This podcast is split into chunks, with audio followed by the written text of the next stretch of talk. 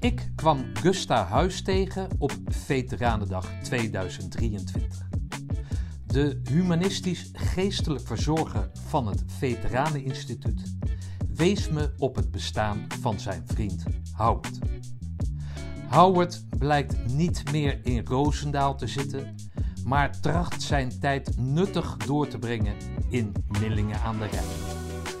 Met zicht op de Duitse grens doet hij zijn relaas, deelt hij zijn visie. Lichting 088. In deze aflevering van de Mutstas podcast het levensverhaal van commandokapitein buitendienst Howard Koster.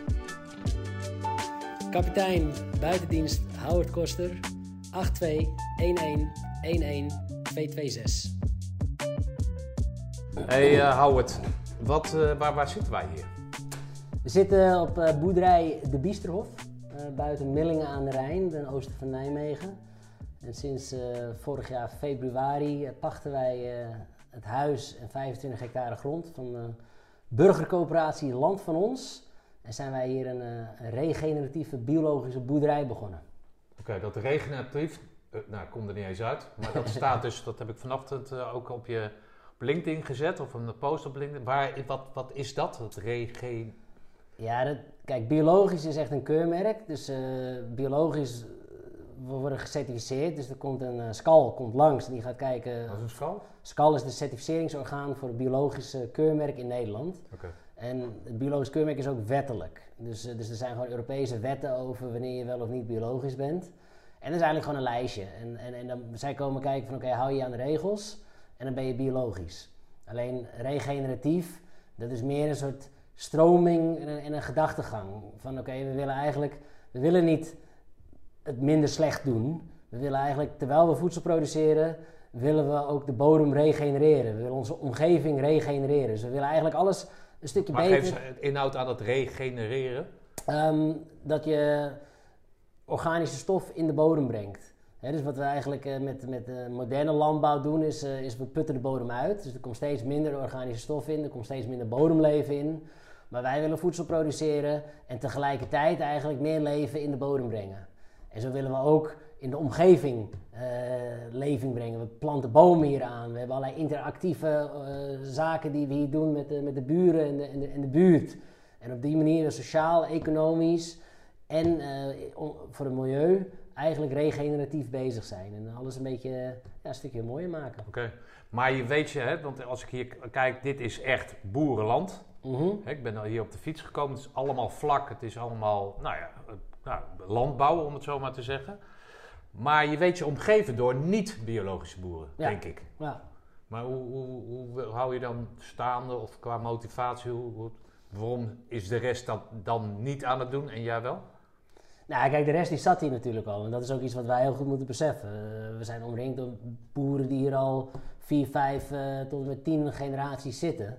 En het moment dat je iets op een bepaalde manier doet, en dat zo meegekregen van, uh, van de generaties voor je, dan is het altijd moeilijker om te veranderen dan als je eigenlijk helemaal bleu met een hele frisse kijk erin komt en denkt van joh, ik wil iets op een andere manier gaan doen. Dus, dus dat besef hebben wij en wij proberen ook heel veel, ja, gewoon de andere mensen om ons heen, onze buurt te respecteren in de manier waarop zij het doen. En dat is denk ik ook een soort sleutel daarin. Dat, dat de voedsel, ons voedselsysteem en ons landbouwsysteem is heel gepolariseerd. je doet het goed of je doet het slecht. En, uh, je bent of een boer die naar, naar de Malieveld gaat om, om te protesteren, of je bent een biologische boer en zegt ja, jullie doen het allemaal verkeerd. Maar die polarisatie die is ook iets wat heel erg in de media opspeelt en in de, in de beleving. Terwijl als wij toen wij hier kwamen vorig jaar, toen zei inderdaad een gepensioneerde buurman. Die zei, oh jullie, uh, jullie komen ons vertellen dat we het allemaal verkeerd doen. Jullie komen ons laten zien hoe het moet. Wij zeiden van nee, dat, dat komen helemaal niet. Wij weten niet eens hoe het moet. Wij, wij moeten het nog gaan leren. Zeg maar wat wij wel weten. We hebben met z'n allen als maatschappij hebben keuzes gemaakt sinds de Tweede Wereldoorlog over hoe we ons voedselsysteem inrichten. Die keuzes die waren op dat moment logisch, want we wilden geen honger meer. En we wilden een e-, efficiënt voedselsysteem. En dat hebben we met z'n allen gedaan, die keuzes. Inmiddels zien we gewoon, en is het ook gewoon wetenschappelijk bewezen, dat daar negatieve gevolgen aan die keuzes vastzitten. in plaats van met de vinger naar elkaar te gaan wijzen om te kijken wie een schuld het is, pleiten wij ervoor om in ieder geval die consequenties onder ogen te zien en samen te kijken naar oplossingsroutes.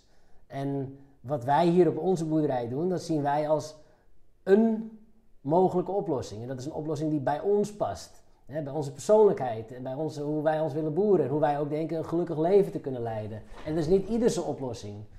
Maar in plaats van te zeggen van, hé, weet je, uh, in plaats van de zwarte piet naar elkaar toe te spelen, eigenlijk gewoon allereerst accepteren dat bepaalde dingen niet goed gaan. En dan met z'n allen kijken van welke oplossingen zijn er en wat past waar. En dat verhaal, dat slaat aan. Dan zeggen ze, oh, nou ja, ja als je het zo brengt, ja, ik, hè, de jonge akkerbouwer met wie we samenwerken, zijn vader is uh, op zijn 56e overleden aan kanker. En, ehm, en zijn opa die heeft Parkinson. En, en die beseft ook dat die, dat die gewasbeschermingsmiddelen, hè, dat is een mooi woord voor eigenlijk gewoon landbouwgif, dat, dat, dat daar een, een link tussen zit. En die zou er ook wel meer van af willen. Dus op het moment dat je niet... Ja, ik heb vanochtend toevalligerwijs, weet dat, een, een interview gehoord met uh, Caroline van der Plas. Uh En die zegt dat dat niet wetenschappelijk bewezen is. Hè? Dat, dat die landbouwgiffen voor Parkinson uh, zorgen, of hè, in ieder geval mede schuld zijn aan. Of, of is dat wel bewezen? Dit is, um, het is, het is moeilijk om dat onomstotelijk te bewijzen. A, omdat ze er nog niet heel lang onderzoek naar hebben gedaan in Nederland. B, omdat wetenschappelijk onderzoek, die wil eigenlijk alle variabelen uitsluiten en zeggen van oké, het komt hierdoor. Maar dan is de vraag van oké, eh, welke andere invloeden zijn er geweest op boeren die in die periode landbouwgif hebben gebruikt, et cetera. Maar ze, nu, zijn bezig met een heel groot onderzoek, want daar zijn ze nu best wel ver in om dat wel te bewijzen. Dat ze kunnen laten zien dat juist die cocktail van gewasbeschermingsmiddelen die boeren gebruiken, dat die een optelsom zijn in het lichaam en dat dat wel direct aanleiding geeft tot allerlei vormen van kanker en Parkinson, et cetera. En, en dat, dat onderzoek gaat nog uitkomen, maar ook als dat onderzoek er is, dan, dan, dan, dan zal je zien dat, uh, dat, dat de gevestigde orde en de grote industrie die, uh, die achter de landbouw in Nederland zit, dat die toch wel weer een, soort omweg vinden om dat te ontkennen. Ja. Maar ben jij dan een soort uh, zendeling of zo de, de, ja. binnen deze gemeenschap? Hè? Als je hier dan komt, zeg dat je een jaar geleden of anderhalf jaar geleden hier bent geland. Hoe, hoe, die polarisatie wil je tegengaan, maar hoe benader je die mensen dan? Je bent, je bent niet, als je gezellig op een borrel zit, de boel aan het prediken, of wel? Nee, nee, nee, juist niet. Want dat is juist deel van die polarisatie. En ik heb, um, van oorsprong heb ik echt een hekel aan, uh, aan, aan, aan, zendelingen eigenlijk. Hè? Die, die denken de waarheid in pacht te hebben en andere mensen te moeten gaan verlichten met die waarheid. Want ja, dan denk je dus dat je, dat je alles weet of dat je, dat je het licht hebt gezien. En ik denk dat, dat de wereld is zo complex en er zijn zoveel verschillende waarheden. En, en iedereen heeft zijn eigen waarheid, die ook gebaseerd is op, op, op, op, op datgene wat die persoon heeft meegemaakt in de omgeving waar die persoon is. Hm. Dus, dus dat respecteren juist. En, en vanuit daar um, een gesprek aangaan. En humor.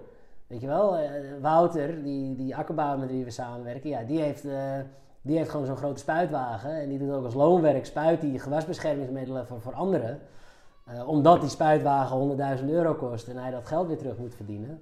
Loonbedrijf is dat je dan de spullen hebt, toch? Ja, landbouwmachines zijn heel duur. Ja. Dus uh, wat je soms ziet is dat, uh, dat een boer, die koopt een hele dure landbouwmachine. En niet alle andere boeren omheen die hoeven hem dan ook te kopen. Maar die huren hem dan in om die specifieke machine te gebruiken. Zo zal één boer zich specialiseren in, in aardappelpootmachines en rooimachines.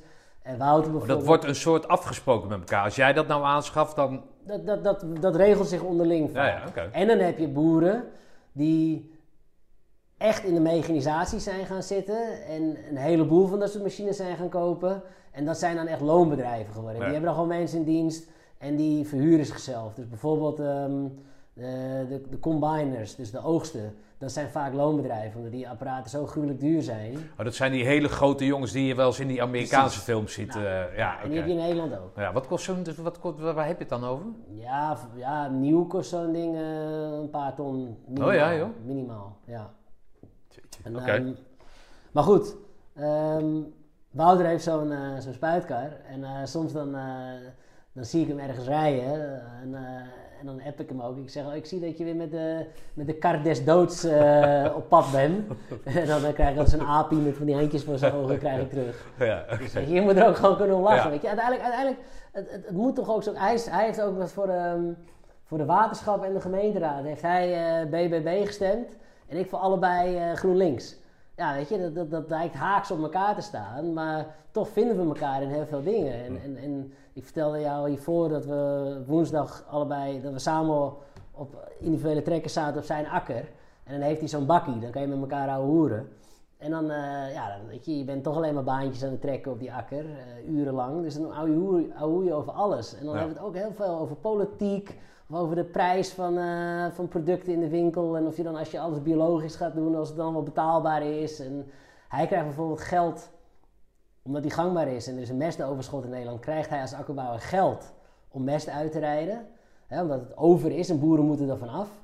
Maar als biologische boeren hebben we eigenlijk te weinig biologische mest in Nederland. En ik mag geen gangbare mest uitrijden. Dus ik moet heel veel geld betalen om bij mij mest uit te rijden. Dan hebben we het daar al over. Ik zeg, ja, ik zeg, joh, jij hebt het altijd over subsidies. Maar eigenlijk word jij keihard gesubsidieerd doordat wij sojabonen uit Brazilië halen, met de stikstofoverschot blijven. En jij mag dat dan betaald op je land uitrijden. Terwijl mij gruwelijk veel geld kost. Ik zeg, als je dat dan weghaalt, kijk dan eens naar het verschil in de supermarkt. Dat is al veel minder.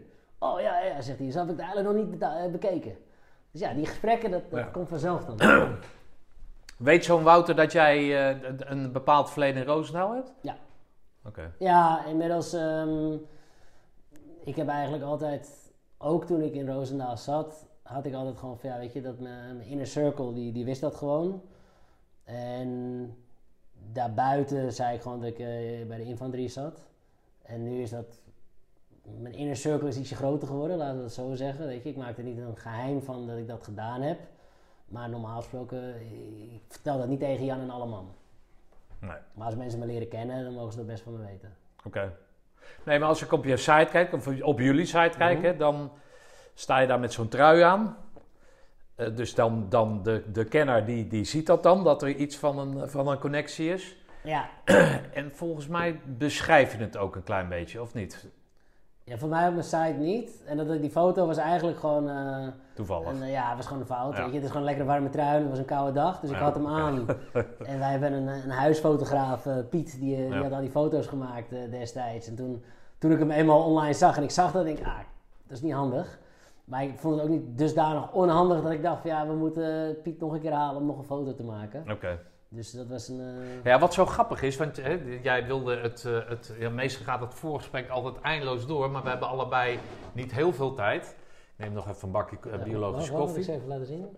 Iedereen doet dat de eerste keer fout hoor. Dat is een mooi koppie. Oh, Sam, het is toch ongelooflijk. Wat een uitvinding hier allemaal. Maar de- ik, ik merkte op dat het contrast binnen jouw leven zo groot is. Moet je hem dan weer indrukken? Correct. Het is toch correct. jij zegt, jij vertelde dat jij eh, de Hoge Hotelschool in eh, Den Haag hebt gedaan. Ja. Dat is natuurlijk, staat haaks op, op dit leven. Was je natuurlijk een stuk jonger. Hoe, hoe Ja. kwam je daar? Met welke motivatie ging je naar, gaat iemand naar een hotelschool? Ja, dat is ook een goede vraag. Dank je. ik, eh, ik weet dat niet precies meer. Wat ik wel weet is dat eh, ik zat toen eh, op de middelbare school en toen kreeg je de optie om een week lang ergens een keer een soort snuffelstage te doen wat jou interessant zou lijken. Mogelijk dat ik net een boek had gelezen over een hotel of zoiets, maar ik dacht van nou, die hotelwereld lijkt me wel wat. Dus ik mocht toen... eh, Maar kom je uit zo'n wereld? Kom nee, je nee, uit... helemaal oh, niet. Helemaal niet. Ik heb helemaal geen... ik kom, mijn, mijn familie heeft niks met hotellerie, niks met het leger en niks met de landbouw. Oké. maar wat deed je vader? Wat, wat, wat, wat, waar verdiende je vader geld mee? Ja, mijn vader die, eh, die heeft eh, scheikunde gestudeerd in Zuid-Afrika. En mijn moeder heeft ehm, ja, ook een soort beta-studie gedaan. Mijn moeder, toen, toen ik en mijn broer, wij zijn in Zuid-Afrika nog geboren. Toen wij geboren werden, is mijn moeder gestopt met werken om ons, eh, om ons groot te brengen. En mijn ouders zijn gaan denken van, joh, ehm, zou wel beter zijn om, eh, om niet in Zuid-Afrika kinderen groot te brengen. Vanwege apartheid en, eh, en, en, en, veel criminaliteit en, weinig vrijheid van denken ook. Dus mijn vader die, eh, die is van oorsprong Nederlands. En die, kon die werkte voor een Amerikaans bedrijf. Wat ehm, laboratorium en ziekenhuis instrumentarium verkocht. En hij kon een baan krijgen in, in Nederland. Dus toen zijn we, toen ik nog drie was, zijn we naar Nederland verhuisd. Mijn vader die bleef dat doen, mijn moeder die bleef voor ons zorgen. Op een gegeven moment, uh, mijn vader was general manager van de Benelux voor het bedrijf. Dat bedrijf ging centraliseren. Er kwam één kantoor voor heel Europa in Zwitserland. Dus ze hadden geen general manager Benelux meer nodig. Dus mijn vader die, uh, die werd ontslagen. En die, um, die is toen zijn eigen bedrijfje begonnen. Een beetje soortgelijke dingen, maar dat, dat, dat, dat, liep allemaal niet echt. En uiteindelijk uh, is mijn vader toen taxichauffeur geworden. En mijn moeder die, die is postbode geworden. Oh, heel. En die, mijn moeder, in, in Meidrecht, onder, onder Amsterdam. Daar ben ik ook opgegroeid.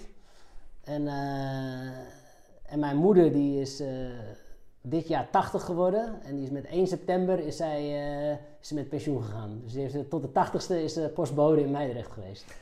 Maar omdat ze moest? Nee. Omdat ze wilde? Ja. Nee, niet wilde met pensioen gaan, maar ze wilde door blijven werken. Precies. Dus dat is daar een bezienswaardigheid, je moeder. Ja, Totdat, en, en, en, want en- iedereen kent de postbode toen. En het was nog heel grappig, want ik ben... ehm, een, 80 jaar, joh. Ja. Oké. Mijn oudste vriend Thomas, die ken ik ook sinds dat we naar Nederland verhuisden. Die, die woont al sinds zijn 18 in Amerika, maar we zijn nog steeds heel goed bevriend. Zijn ouders, die woonden nog in het dorp, in Meidrecht. En, eh, en op een gegeven moment kreeg ik dus vanuit Amerika te horen van, eh, van Thomas... Hé, hey, je moeder is nog steeds postbode, maar nu wel met een e-bike.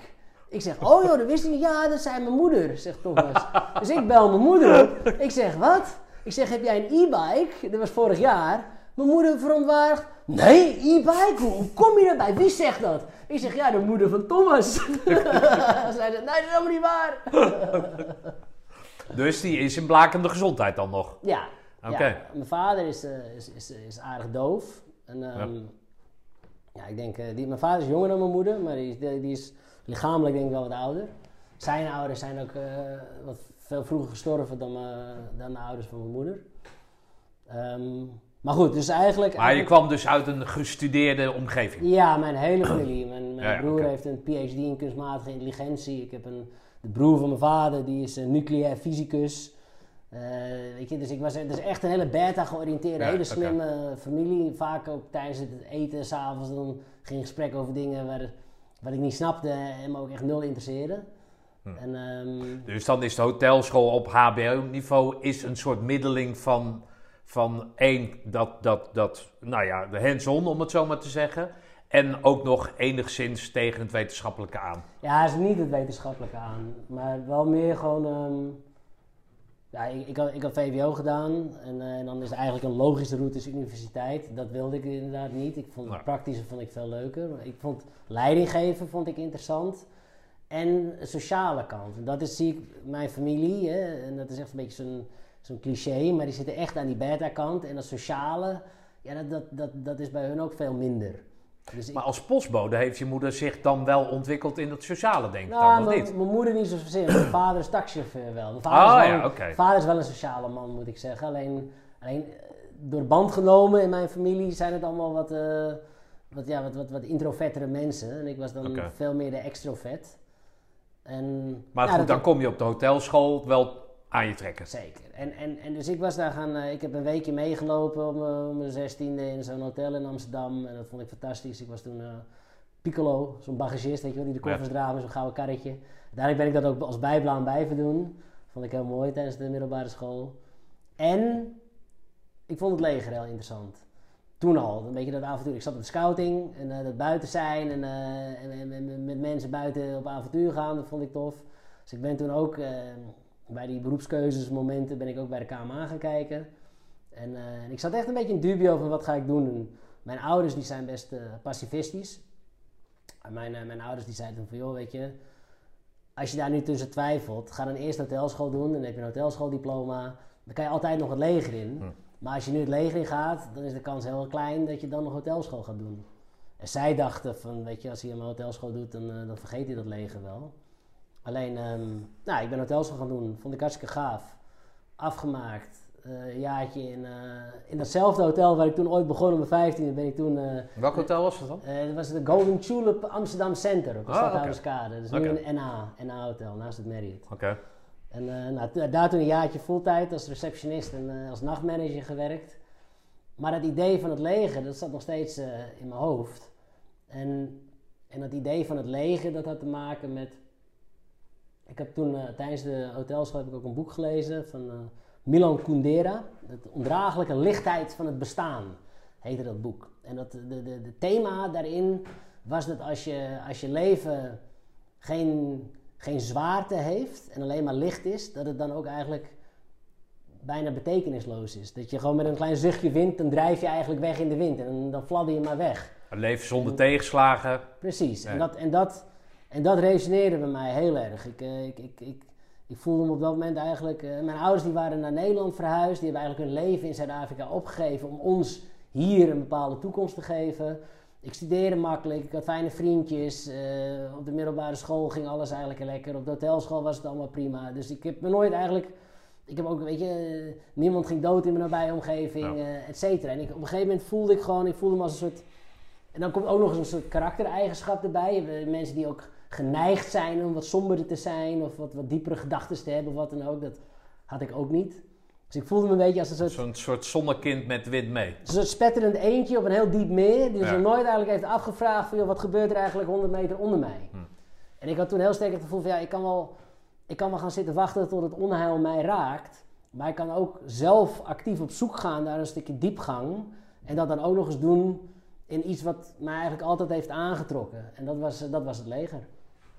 Dus, eh, dus Maar ja, ik loop vooruit op het verhaal. Maar Ja. die diepgang heb jij dus nu, anderhalf jaar geleden of vijf jaar geleden, weet ik wanneer, toen je die landbouw aanging, mhm. heb je dat ook weer gedaan dus. Dus dat zit, dat zit in jou. Ja, alle- alleen, alleen de, de keuze om uiteindelijk het leger uit te gaan en dit te gaan doen, dat werd toen wel meer een soort idealistische keuze. Ah, Dat ik dacht van oké, ik heb nou heel lang in mijn leven voor mezelf gekozen en echt een gaaf leven gehad, en hele toffe dingen gedaan en ook echt wel mezelf in de breedte en in de diepte ontwikkeld. Ik heb een hele set aan competenties nu. En toen dacht ik van ja, weet je, nu moet ik gaan kijken van oké, wat geeft mij zin? Dus zingeving. Wat, wat, waar, wat denk ik persoonlijk dat de wereld eh, nodig heeft en hoe kan ik daaraan bijdragen? En dat heeft me oké, geleid want jij zei dat, dat de motivatie, we gaan van de hak op de tak hoor, maar dat die motivatie om naar Roosendaal, dan wel het leger te gaan, was niet zozeer ik wil de wereld helpen, als wel, Nee, ja. toch? Het enige wat ik dacht was dat van oké, ik had nog wel de overweging dat ik dacht van oké, Nederlands leger maakt de wereld niet slechter. We zijn geen eh, dictatorstaat die, eh, die ergens anders eh, oorlog gaat voeren of wat dan ook. Wij, wij willen wel bijdragen aan een stabiele wereld, want daar heeft Nederland binnen de NATO, binnen alles ook gewoon belang bij als handelsland. Dus, dus dat, dat was mijn overweging van, maar het was echt een persoonlijke keuze Hm. om het leger in te gaan. Verdieping. Ja, verdieping, uitdaging, avontuur, grenzen opzoeken. Maar je ging eerst naar de KMA dus. Ja, nou, Daar was je dus al wat ouder. Ja, dus ik was, eh, ik was 23 volgens mij toen ik eh, het leger inging. En, en toen ik in, vlakbij, eh, vlakbij het hotel in Amsterdam eh, zat ook de banenwinkel. Dus ik ben daar gewoon een keer in mijn pauze naar binnen gewandeld en gezegd, joh, ik, ik wil het leger in. En toen zeiden ze, ja, wat is je achtergrond? Ik zeg HBO. Zeiden ze, nou dan moet je naar de, naar de KMA. En eh, wat wil je doen? Ik zeg, ja, ik wil vechten. Toen zeiden ze, nou dan moet je naar de infanterie. Ik zeg, nou laten we dat maar doen. Toen zeiden zij, ja, oh, je moet nog allerlei testjes doen en alles. Nou, dat gedaan. En ehm, toen heb ik ook het enige moment dat ik echt een keer een echte vader-zoon gesprek eh, heb gehad. Want mijn vader is toen met me gaan zitten en die heeft gezegd van joh, weet je zeker dat je dit wil? En toen kwam hij ook, eh, toen, toen speelde die kaart joh, weet je, je doet ons er een beetje pijn mee. Want, want wij zijn uit Zuid-Afrika weggegaan. Daar was dienstplicht in het apartheidsregime. Wij hebben ons leven daarop gegeven zodat jij niet het leger in hoefde. En eh, Ja. toen moest ik heel hard lachen. Ik zeg, ja, dat, dat- dat, dat, breng je nou zo. Maar dat is, dat is heel, eh, ik zeg, dat is heel, dat is heel, heel, heel specifieke perspectief wat jij nu kiest. Want zoals ik het zie, hebben jullie daar die, die offer gemaakt, zodat ik hier de vrije keuze heb om wel of niet het leger in te gaan. Ik zeg, jullie hebben mij keuzevrijheid gegeven. Jullie hebben mij ook de vrijheid gegeven om op een bepaalde manier over zaken na te denken. En dit is mijn keuze die ik nu maak. En daar ben ik jullie heel dankbaar voor. Wat zei hij toen? Eh, toen moest hij een beetje glimlachen. En toen zei hij van ja, weet je, je hebt daar wel gelijk in. En, eh, Maar dat hele pacifistische is niet ter sprake gekomen. Nou ja, maar dat is, dat is dus wel een deel, dus zo ben ik ook wel opgevoed. Mijn uh, opvattingen hoeven niet mijn ouders opvattingen te zijn. En dat is wel, dat is, weet je, dus mijn vader wist ook wel dat ik toen ook wel de, in, in de essentie te pakken had van hoe zij ons hebben opgevoed. Hm. En dat, dat zolang ik een goede reden heb om dingen te doen, uh, zullen zij dat altijd accepteren. Ook al zijn het Lijk jij op je broer? Of is jouw broer anders? Mijn broer is een uh, ontzettende IT-nerd. nee, maar qua dit bijvoorbeeld? Dus die, die, die, dat, die gedachtegang van, joh, pa, je, je geeft me hier de keuze. Ja, ja, we zijn in die zin gelijkwaardig en, en met diezelfde mindset opgevoed. Ja, oké. Nou, dat is Alleen we zijn wel als personen zijn we 180 graden anders van elkaar. Ik heb ook, een, ik heb ook niet een hele close relatie met mijn broer. Gewoon hmm. omdat we tijdens het opgroeien al zo, zo weinig gelijk, gelijke taal hadden bijna om met elkaar uh, te connecten. Hmm. Oké. Maar goed, ja, die banenwinkel KMA, ja. kom je daar 23. Maar er zijn dus, hè, zoals Otto, die gaat dan op zijn zeventiende ja, naar zo'n KMA. Dus je zit met hele jonge jongens ja, je hebt daar zo'n lang model en kort model. Dus uh, alle, alle jonge jongens uh, die gaan sowieso vier jaar KMA doen. En dan heb je mensen die vanuit het leger, uh, vanuit het praten wereld, officier willen worden. En mensen met wat, wat meer bagage uit het burgerleven, die komen, die gaan dan vaak voor het kort model KMA. Dus een kort model is? Één jaar. Eén jaar? Ja, en dan heb je dan nog je vaktechnische opleiding erachteraan. Dat is acht maanden voor mij voor de infanterie. Maar goed, jij wil dus zeggen dat je, je hebt scouting, jij doet HBO, uh, eh, de hotel, uh, hotellerie. En dan mag jij in een jaar leer jij dus alles over de gevechts, weet ik veel, en salueren en marcheren en dan weet ik wat. Waar anderen vier jaar over doen. Ja, de anderen zullen... Volgens mij is het makkelijker als je vier jaar doet om dan uiteindelijk door te stromen en hogere defensievorming te doen. Dat was vroeger zo voor mij. Misschien is dat nu niet eens meer zo, maar... Maar ja, dat ze zeggen, ja, je hebt al bepaalde competenties. En je doet één jaar. En dan doe je dus nog je vaktechnische opleiding. Hè? Maar ook die mensen die vier jaar KMA doen, die doen daar nog, daarna nog de, de VTO. Ja, dus, dus, die zijn zeg maar vijf jaar bezig en jij doet daar één jaar en acht maanden over. Of jullie. Ja, het, het verschil ook is dat tegenwoordig is de KMA ook geaccrediteerd. Dus als je vier jaar doet, dan heb je ook een daadwerkelijke universitaire diploma. Ja, volgens mij, ook, zoiets. ja. Dus dat, dat, dat is natuurlijk ook het verschil. Ja, oké. Dan heb je gewoon een bachelor op universitair niveau. Kijk, dat had je dan naar je broer kunnen laten zien. Ja. ik heb nu een master. Wel? Ja, oké. ja, oké. ja, ja. Maar goed, en dan, maar, maar, maar wat, wat, wat ga je daar dan, denk je daarmee te gaan doen dan? Nou, op dat moment uh, was Afghanistan uh, en, en, Oeruzgan speelde op dat moment. Dus ik dacht, ja, ik, ik word, uh, ik word PC, ik word pelotonscommandant bij de infanterie en dan ga ik naar, ga ik naar Oerskan toe. Alleen tijdens de VTO-infanterie merkte ik gewoon dat, dat ik A zelf, eigenlijk die grenzen van mezelf die ik dacht te vinden, dat ik die nog niet helemaal had gevonden. En ik zag omheen, ik weet het was de eindoefening, voetoptreden en, en we moesten elke nacht moesten we marcheren en dan bij dag aanbreken moesten we ergens op een locatie moesten we een aanval uitvoeren. En, en, en tijdens, die, tijdens die marsen, ja, weet je, als je dan zo'n marsrust hebt, uh, dan wat je dan moet doen is voor jezelf zorgen. Dus je zorgt dat je eerst iets, uh, iets warms aantrekt, je pakt je thermosje, je maakt wat bouillonnetje, je drinkt je bouillonnetje, je verzorgt nog even je voeten. En tegen de tijd dat je daarmee klaar bent, is de tijd voorbij, trek je sokken en schoenen weer aan en dan ga je weer marsen. Maar ik zag de helft van die jongens, die, die, die, die, die pakten in die marsers, die flikkerden hun rugzak tegen een boom aan, die gingen er zo tegenaan liggen. En, en tien minuten later moest je ze bijna een beetje wakker schudden om weer door te gaan. En toen dacht ik bij mezelf, ja, maar ja, weet je, dit zijn dan dit zijn de, de pelotonscommandanten van de nabije toekomst. Weet je, over vier maanden staan ze voor 40 man. Maar ze zijn nog niet eens in staat om voor zichzelf te zorgen. Dat gevoel had ik toen, hè. Dat, hm. dat klinkt nu heel uh, negatief of gechargeerd. Maar dat gevoel had ik toen bij sommigen. En um, iemand die met mij op de KMA en in de VTO zat, uh, Mark die, um, die was sergeant bij de commando's. En die kwam dus naar de KMA om uiteindelijk terug te komen bij de commando's als, als ploegcommandant. Ja, weet je, dat was wel een maatje van mij. En uh, dat is nog, een zij, nog iets anders, want ik wist dus helemaal niet dat ik naar die banenwinkel ging. Ik wist helemaal niks over uh, commando's. Ik wist niet dat wij commando's hadden. Ik wist niet dat commando's bestonden. Ik, had, ja, ik, wist, ik, was, ik wist er helemaal niks van. En op de KMA, dus tijdens die, die eerste paar weken dat je in zo'n tentenkampje zit en zo toen leerde ik Mark kennen, leer ik over commando's in de Special Forces. Maar Mark, dat was een klein, kleine kerel. Ook niet heel gedrongen of zo, maar een kleine, smalle vent. niet super klein, maar echt gewoon heel, heel erg gemiddeld. Ook gemiddeld in zijn gedrag, gemiddeld in alles. En ik, ik leerde dus voor het eerst van de Nederlandse Special Forces en ik leerde dat van Mark. En ik dacht van ja, ben jij dat dan? Weet je wel? Sorry Mark, nee zo bedoelt ik niet. Ja, zo bedoelt nee, ik niet. ik denk van ja, oké, goed verhaal. Zo tof zal het wel niet zijn in Nederland dan. en, eh, en toen, Nou, nou, toen nou, waren we op dat, op tentenkamp en we hadden sport. En, eh, en we moesten een of ander rondje hardlopen. Nou, een vierkantje was het, eh, buiten het tentenkamp. Dan moesten we met de hele club binnen een bepaalde tijd doen, met z'n allen aankomen. En in de kamer hadden dus ook gemengd, dus er waren ook vrouwen bij. En er was een vrouw die ging naar de militaire administratie, en die was ook nog wat gezetter.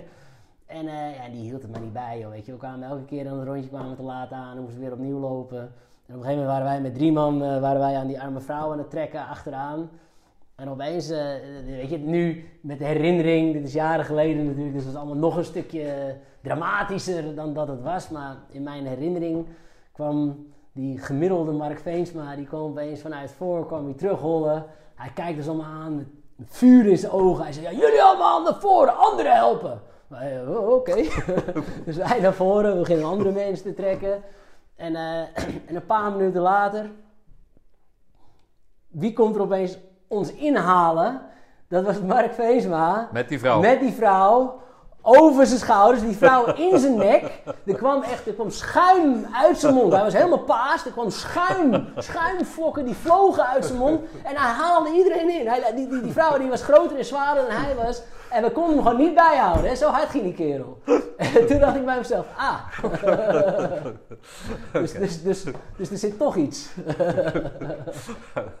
Oké, dus die, hij heeft jou een soort weten te motiveren om naar Roosendaal te gaan dan of zo. En, en toen in die VTO-inval, we kenden elkaar dus inmiddels al bijna één jaar en, eh, en acht maanden. En toen zei Mark tegen mij, hij zegt, hou het.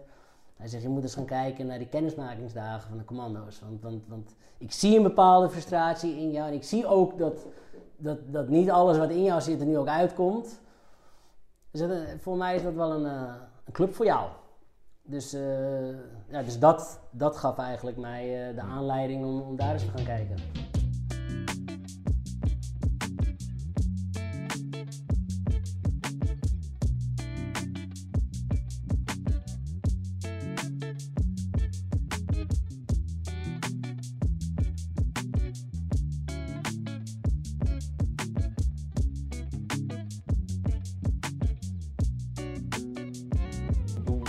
Dan in de Roosendaal aan? Want die kennismakersdagen, dat, dat, dat zijn twee of drie dagen toch?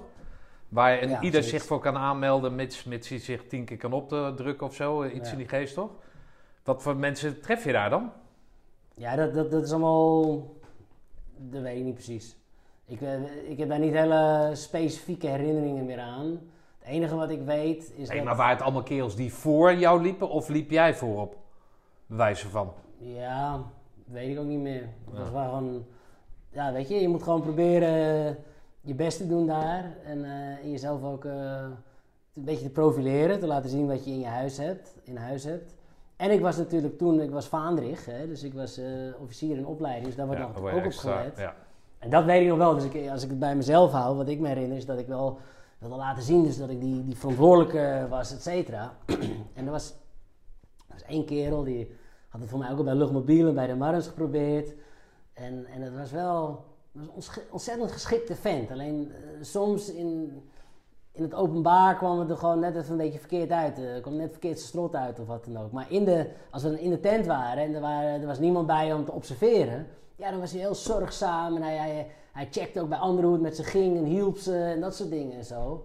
En ik had, het, ik had heel erg het gevoel dat dat, eh, dat, dat niet gezien werd. Hè? Maar er lopen natuurlijk er lopen allerlei instructeurs mee, er lopen psychologen mee en dit en dat. Je wordt compleet in de gaten gehouden. Maar toch had ik het gevoel dat ze dat niet helemaal scherp hadden. Dus aan het einde van die drie, da- eh, drie dagen heb je dan zo'n eh, zo'n exitgesprek. En eh, er werd mij gevraagd van, joh, ehm, nou, was nog niet eens bij de exitgesprek. Wacht, het was, was de laatste dag. Als je dan iets te melden had of iets wilde bespreken, dan kon je van zo'n bel trekken bij tentenkant. Dus ik had dan die bel getrokken. En, ehm, en, en er kwam een adjudant en ik, hij zei, ja, wat wil je? Ik zei, nou, ik zeg, ik wil toch nog eventjes over die en die hebben. Want hij zei, oh ja, oké, wat, wat, wat zijn je observaties?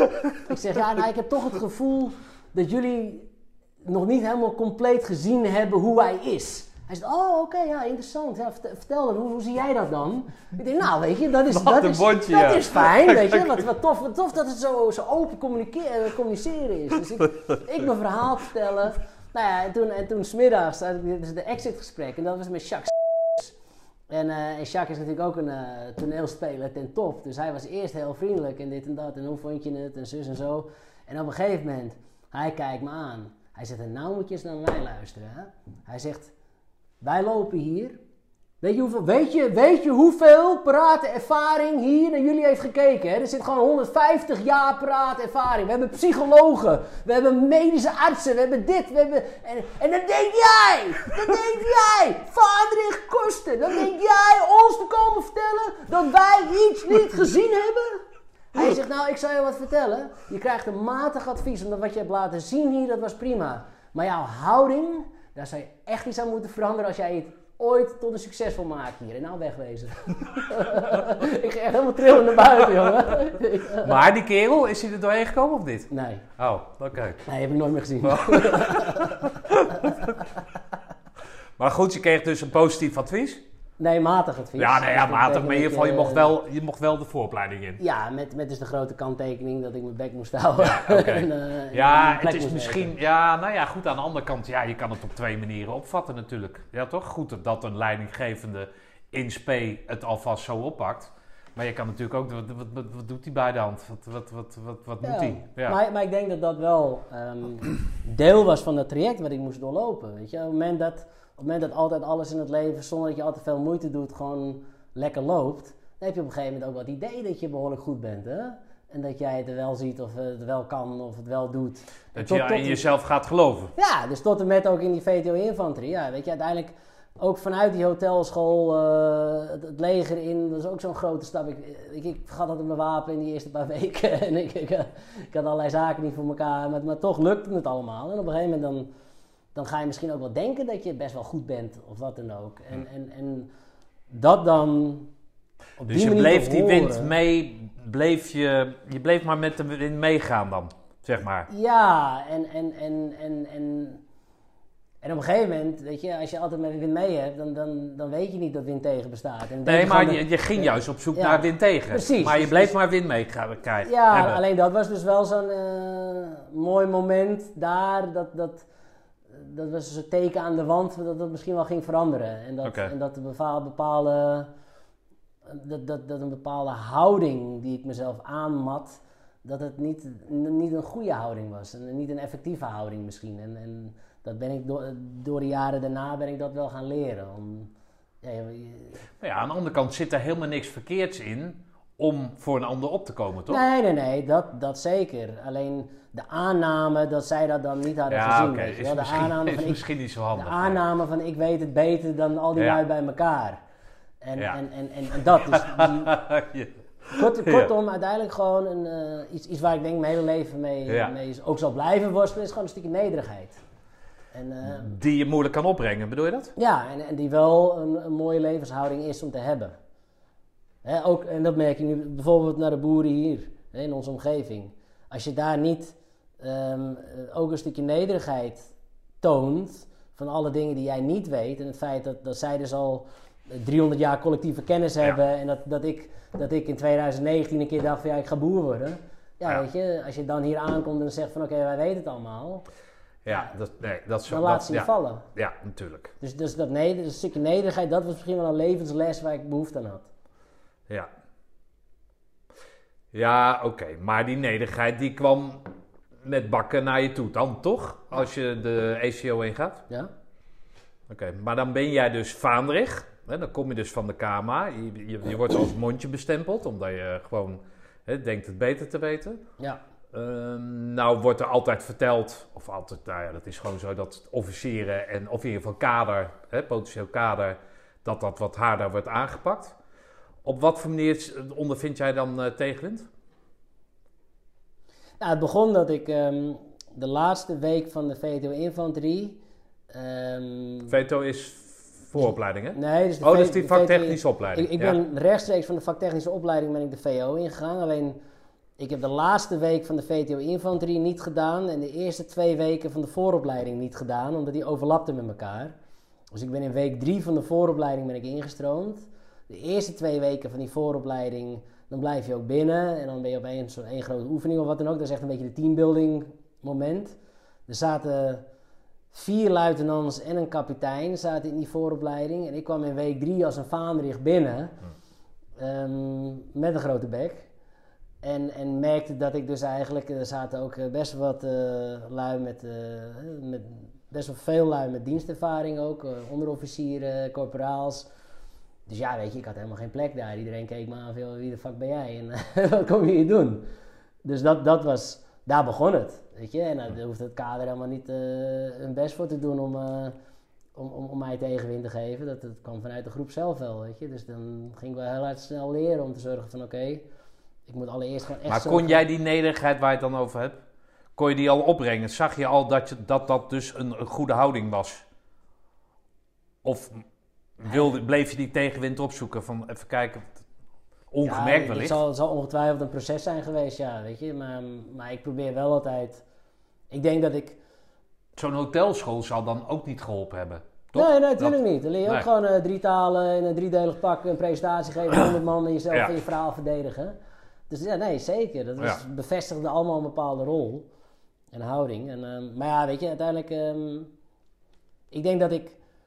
Ik heb niet... Sommige mensen hebben echt een talent voor iets, hè. En uh, mijn ouders die zeiden altijd van, ja, je hebt een talent om te praten, te veel. maar, te veel praten, ja. Maar uh, ik denk dat ik een, wel altijd een steile leercurve heb gehad. Dus ik heb nergens, ik heb nergens echt uh, uitgesproken talent voor, maar ik kan wel dingen, als het moet, kan ik iets leren. En ik denk dat in de VO dat dat dus ook begon daar, weet je. Ik begon de, niet alleen die, die, die basiszaken die je moet leren in de VO om, om, om uiteindelijk die ECO door te komen begon ik te leren, maar ook van oké, okay, weet je, wat is nou een Goeie juiste houding, houding, binnen de groep. voor een, voor een vaanricht die denkt dit te moeten kunnen. Ja, oké. Okay. Want hoe word jij dan door mensen met, met militaire ervaring, zoals een kapitein, wetende dat jij van de hotelschool afkomt en de KMA hebt gedaan en die vaktechnische opleiding, maar eigenlijk geen, geen kut er nog van kan.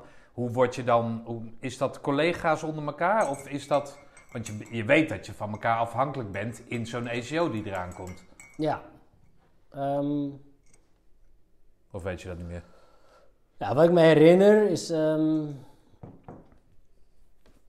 is, is dat, dat, dat vanuit de officieren in die, in die VO, ECO, um, dat zij mij wel geholpen hebben. Ja, om een plekje te vinden in, in, in, in de groep en mijn rol als een soort junior officier uh, okay. daarin. Dus, dus ja, dat, dat, ik heb daar geen uh, negatieve herinneringen aan. Nee, oké. Okay. Dus je werd als collega gezien ja. op dat moment. Ja. Als mede-cursist, maar ook collega in dat hele officierschap. Ja, maar het was wel, er gingen wel wat weken overheen. Van, ik moest wel laten zien eerst dat ik ook gewoon in staat was om mijn zaken voor elkaar te hebben. En dat ik gewoon meedraaide en dat ik niet een soort blok aan het been werd. En dat ik ook een stukje leidinggevende kwaliteit had. Want je krijgt natuurlijk ook in de VO krijg je natuurlijk ook al beurtjes. Ja. Dat ik dus ook wel in staat was om gewoon die groep af te marcheren. En te zorgen dat we ergens op tijd waren of, of, of, of weet ik veel wat. Ons wapen meenamen. Ja, dat soort dingen, had, ik, dat had ik inmiddels geleerd. Ja, okay. en dan? Bijvoorbeeld, jullie zijn dan met vier luitenants en een kapitein. Dus dan zijn we met, ja. met, met vijf, uh, zes, uh, zes officieren. Ja. Dan moet er een aantal afvallen dan kennelijk. Ja, of kennelijk, er uh, vallen er een aantal af. Uiteindelijk was alleen de Vaanderig... alleen de Vaanderig? Die, die, die binnenmarcheerde, ja. Oké. Okay. Ja. En voel jij dat dan aan met, met die, die sensor die jij, dus, die jij dus bij je hebt? Dat mensen onder spanning staan, dat ze op het randje lopen om, om ontheven te worden of, of wat dan ook. Help jij hun dan in dat proces ook van, hey pik, pas op, want je moet zus en zo acteren. Ik zie dat je dat dan doet. Ja, um, kijk, sommige best wel, best wel wat van die jongens zijn uitgevallen met een blessure in de ECO, dus daar doe je niks ja, aan. daar doe je niks aan. En um, ja, ik weet nog wel, er was een, een luitenant van de, van de logistiek. En dat was een fantastische kerel. IJzersterk, super sociaal, zorgzaam. Alles, alles deed hij eigenlijk goed. En um, Die heeft uiteindelijk ook nog als uh, luitenant logistiek of, of, kapitein bij de logistiek heeft hij uh, nog gewerkt bij het KST, Ramon.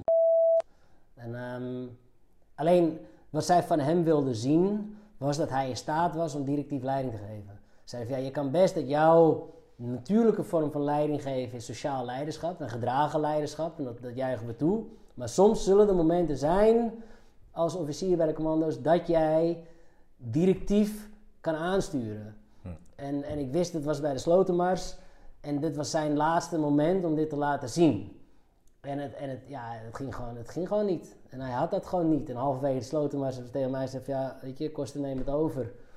En begin die, begin die groep aan te sturen. En toen wisten we eigenlijk allebei al van, ja, weet je, oké, eh, aan het einde van die Slotenmars is, is Ramon... Uh, maar was hij dan hobbyist, zoals wij dat toen noemden? Of was hij van plan, of zijn plan was om uh, operator te worden? Ja, dat, dat, in mijn tijd was, was dat niet meer. Hè? Oké, dus hij, hij wilde van dienstvak veranderen, zeg ja, maar. dat is de enige optie om naar de SEO te komen. Dan, oh, als, jij erin zat, dan ging jij dat dus doen.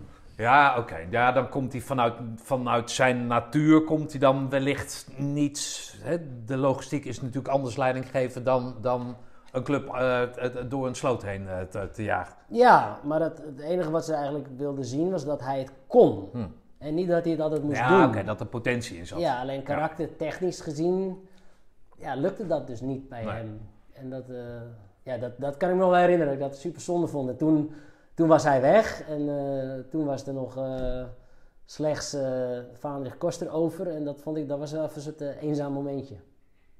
Eenzaam of glorieus? Nee, Nee, want ja, op dat moment uh, voelde het zeker niet glorieus. Achteraf, dan, weet je, als je helemaal binnen bent en zo, dan denk je nog eens over na en denk je, ja, Ja, toch?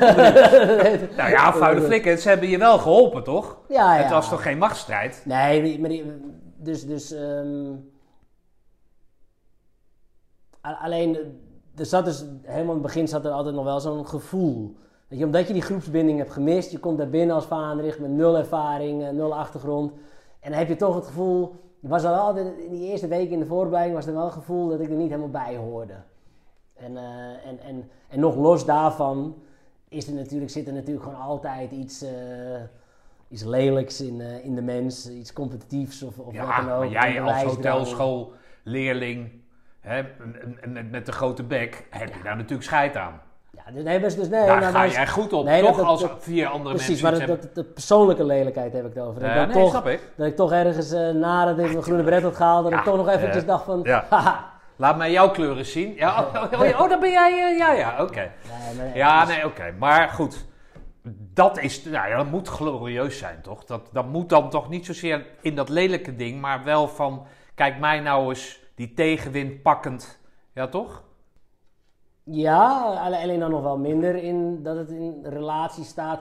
Kijk, dus, dus als we het hebben over het feit dat, dat, dat, dat uiteindelijk ik als enige officier dat haalde, daar heb ik achteraf nog wel eens een keer een momentje van trots over gevoeld. Dat ik van wauw, weet je, bizar. Eigenlijk een beetje ah. verwondering. Um, en, en, en daarnaast gewoon het feit dat ik het heb gehaald ja, weet je, uiteindelijk die, die, die, week nadat je de ECO hebt afgerond, dan een weekje vakantie, dat was wel een soort uh, roes. Dat ik het nog steeds niet helemaal kon geloven dat, dat, dat het gewoon gelukt was. Hm. Wat zei je vader dan bijvoorbeeld? Niet. Wat niet? Nee, ik heb er nooit Die waren er toch wel toen je hem kreeg, niet? Ja, en wat ik hoorde van, uh, van een van mijn beste vrienden, Erik, die er ook was, die zei dat, um, dat toen ik... Toen we binnenkwamen lopen en uiteindelijk, um, uiteindelijk heb je die hele ceremonie en alles. En dat mijn moeder daar toen wel zat te janken. Alleen dat heeft mijn moeder mij nooit verteld. En ze hebben, okay. weet je, mijn ouders die zijn ook niet op die manier, drukken ze hun emoties niet echt uit of wat dan ook. Hè. Ze waren er en ze vonden het mooi. Hm. En um, ja, en dat... dat maar uh, heb jij hun, in, in die acht weken, heb je hun deelgenoot gemaakt van het leed, de tegenwind die je uh, uh, mocht ervaren? Ja, dat kan ik niet echt meer herinneren. Ik, ik woonde toen niet met mijn ouders. Oh, oké. Okay. Dus ik had dan, uh, wel een eigen huis. En, maar je wacht wel je was? Nee. nee Ook niet? Nee, ik had een partner die, ah, okay. die deed me was. Oké, okay. met hoeveel kwamen jullie binnen dan? Weet ik ook niet meer. Ik denk... Um, Ah, 20 of 3? Minder dan 20. Meer dan 10, minder dan 20. Ah, oké. 15. Ja, laten Hey, ehm, voor mij was het rond de 15. Oké. Hoeveel, eh, doe eens wat eh, leuke anekdotes of de slechtste herinnering aan een instructeur binnen de ACO?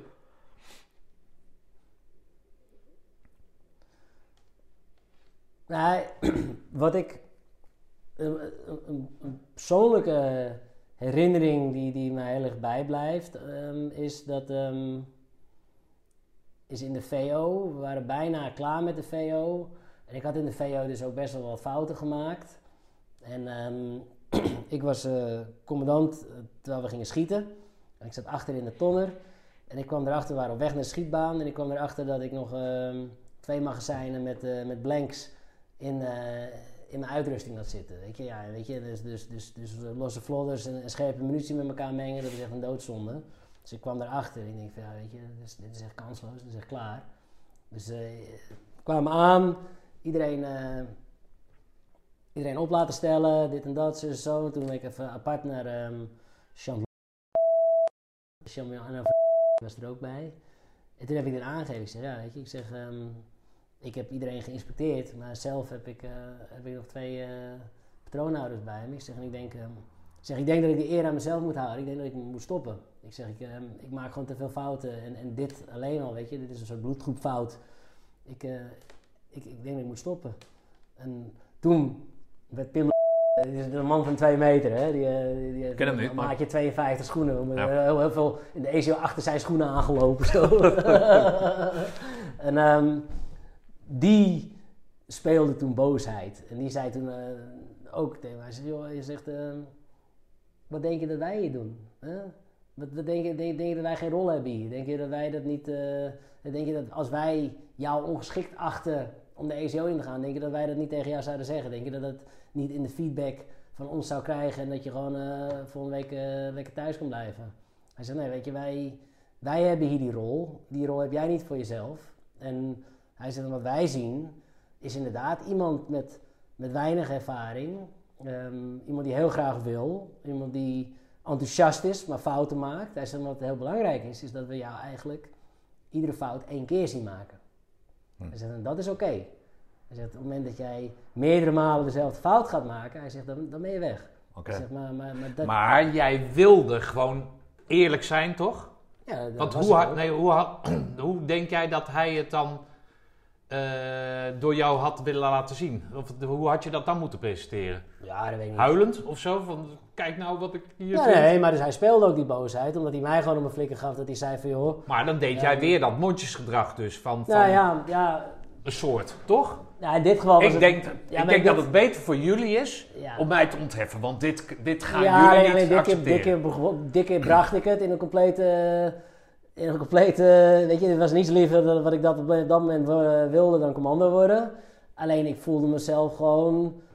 Ja, ik voelde dat ik gewoon keihard in het falen was. En ik voelde dat ik het niet waardig was. Ja, oké. Dus op dat moment werden ze juist boos om mij eh, Ja, te vertellen precies. van... joh, als Ja. wij jou niet waardig vinden, dan hoor je wel van... Dus eigenlijk hetzelfde moment, maar toch op een andere manier. Ja. En, en toen werd ik, Maar toen werden de patroonhouders van mij één keer fout maken, dat, dat, is, dat, vind ik wel een mooie. Als dat gezegd Ja. wordt, ja. Dat, Ja. Vind ik, dat vind ik knap inderdaad. Of knap, dat is, dat is mooi als het zo, eh, zo uitgelegd wordt, ja. Ja. Stoor je weer met je bek voor tanden.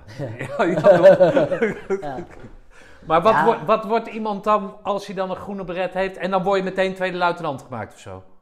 Ehm, dat heeft te maken met een... eh, dus, dus door de VTO-infanterie. Na de afronding van de VTO-infanterie word je tweede luitenant gemaakt. En bij mij Ja. gebeurde dat... ehm, volgens mij in de laatste week van de... Voor mij werd ik voor Bij de commandant... Baks, toch?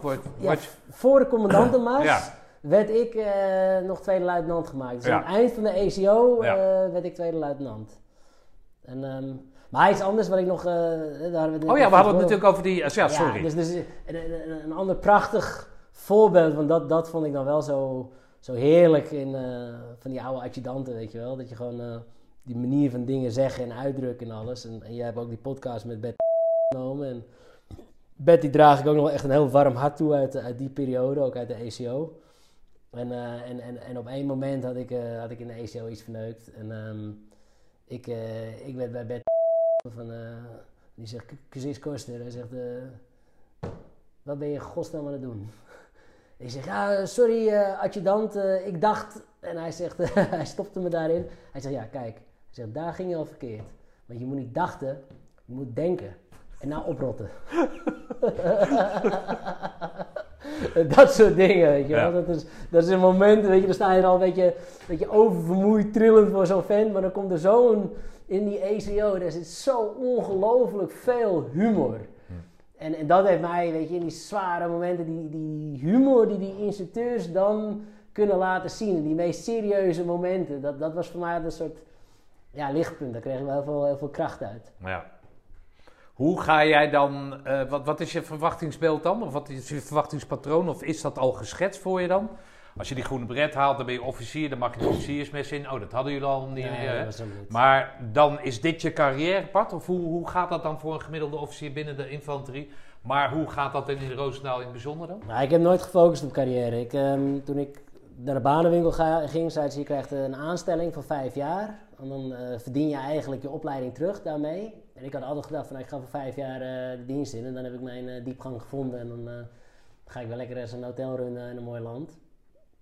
Dus, eh, dus Ja, dacht je dat? Ja. Dus, dus, dus toen, toen kwam de commando's op mijn pad. En, en wat, wat heel erg duidelijk geschetst wordt aan het eind van die commandoopleiding, eigenlijk in de VO al, is joh, zoals, en het is tegenwoordig denk ik nog steeds zo, in de commandoopleiding laat je alleen maar zien dat je de fysieke en mentale weerbaarheid hebt en potentieel de leercurve hebt om te leren om SF-operator te worden. En, en na die acht weken commandoopleiding ga je dus een jaar lang de voortgezette commandoopleiding in. En daar ga je eigenlijk leren om operator te zijn. En dat was voor ons allemaal wel heel helder voor de geest. Oké, weet je, die groene bret halen, dat is eigenlijk de eerste stap. Dat is een soort eh proeven van bekwaamheid of je geschikt geacht bent of niet. Maar daarna moet je het eigenlijk allemaal nog leren. Ja. En zo heb Nou, dat is nog steeds zo, wat ik begrijp. Ja. Ja. En zo heb ik die VCO ook echt ervaren. Weet je, gewoon, toen gingen we echt aan de bak om, eh, weet je, je bent niet meer putten aan het graven of eh kako, of kako pasoefening aan het lopen. Nee, je bent gewoon echt aan het leren hoe operators op dat moment eh, overal de wereld aan het optreden zijn. En dat was ook nog een enorme uitdaging, want daar kwam toen nog wel eens vaak bij kijken dat ik, dat een beetje ervaring in het militaire was toen wel handig geweest. Dan moest ik, ja. In de zin van leidinggevend. Of, leidinggevend, maar ook gewoon, weet je, als jij als, jij als eh, PC-infanterie al, ehm, al in Afghanistan bent geweest en daar met eh panzervoertuigen hebt opgetreden, ja, dan wordt het mobiele optreden met, eh, met jeeps in, het, in de VCO. Ja, dan heb je bepaalde basisprincipes, heb Ja. je al en dat soort zaken. En die dingen miste ik. En ik merkte ik in de VCO dat ik daardoor heel geneigd was voor micromanagement. Dus dat ik heel erg geneigd was om te proberen alles onder controle te houden. Terwijl het helemaal niet kan. In een chaotische situatie moet je juist vertrouwen op je minimischutter. Dat hij wel de juiste hoek pakt. En dat hij wel op de juiste plek een vuurbasis inricht en dat soort dingen. En in, in, in de VCO moest ik dat heel erg leren. Om bepaalde zaken, ik voelde me overal heel erg verantwoordelijk voor. Daardoor ging ik micromanagen. Daardoor ging ik mensen juist uit de plek die ze gekozen hadden een andere plek sturen. Waardoor het niet meer lekker soepel liep. En, en daar heb ik wel problemen mee gehad in, in dat jaar. Om dat, om dat te leren. Maar door wie werd je daarop geweest dan? Door de instructeurs of Ja. door het team zelf? Beide. Oké. En wat is, wat is handiger dan? Wat, wat, wat, komt die, die- wat, wat komt dieper bij je aan? Beide. Oké. Nou, je moet gewoon van iedereen horen. En dat eh, merk ik nu ook op de boerderij. Zo simpel is het, weet je. Dat zit gewoon in mij.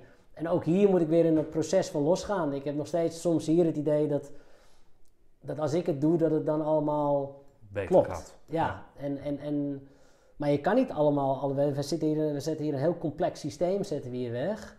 En, en, en daar heb je heel veel mensen voor nodig die allemaal bepaalde taken en verantwoordelijkheden oppakken. En als je dat allemaal zelf wil doen, ja, dat kan niet. Ja, want jullie werken met heel veel vrijwillig- vrijwilligers. Hè? Ik ben hier op de open dag Ja. geweest en dan laat je dat ook vallen om die mensen toch een soort, nou niet een soort, maar te bedanken, de waardering te geven en wat dan ook.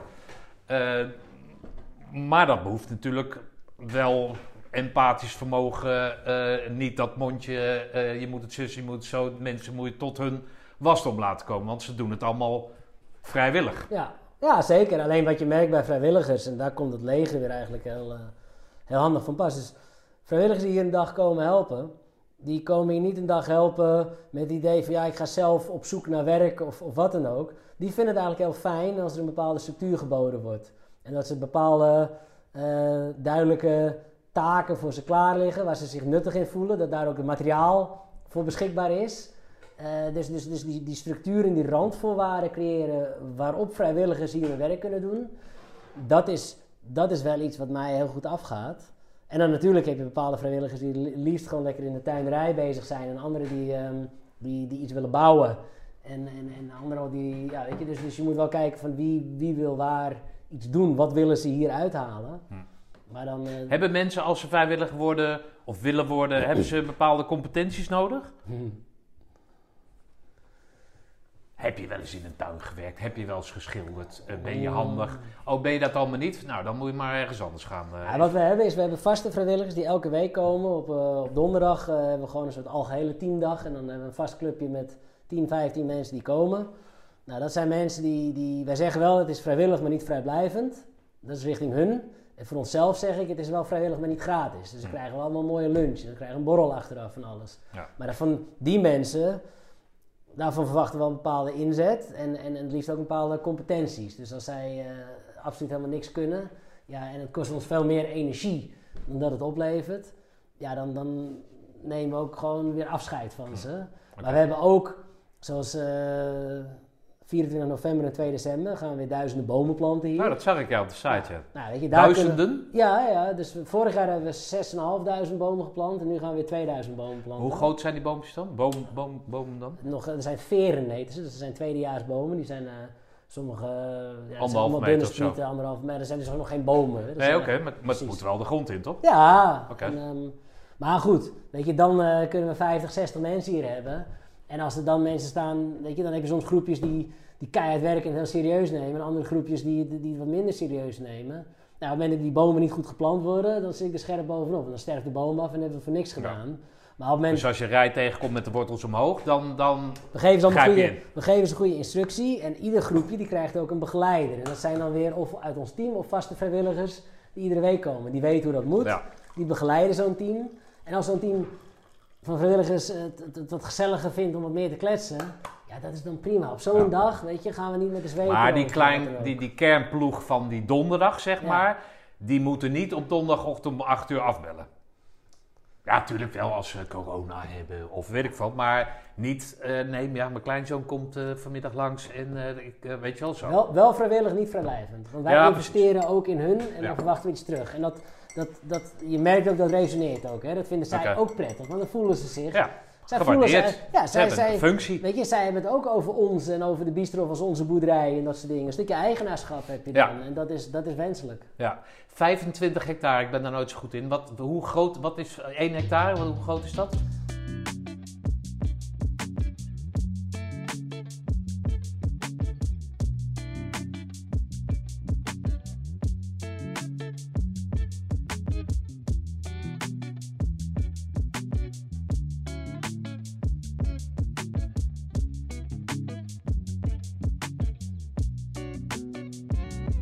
Ik heb het even eh, opgezocht eh, tijdens de plaspauze. En Dat is natuurlijk, eh, ja, de beste vergelijking is natuurlijk gewoon in voetbalvelden.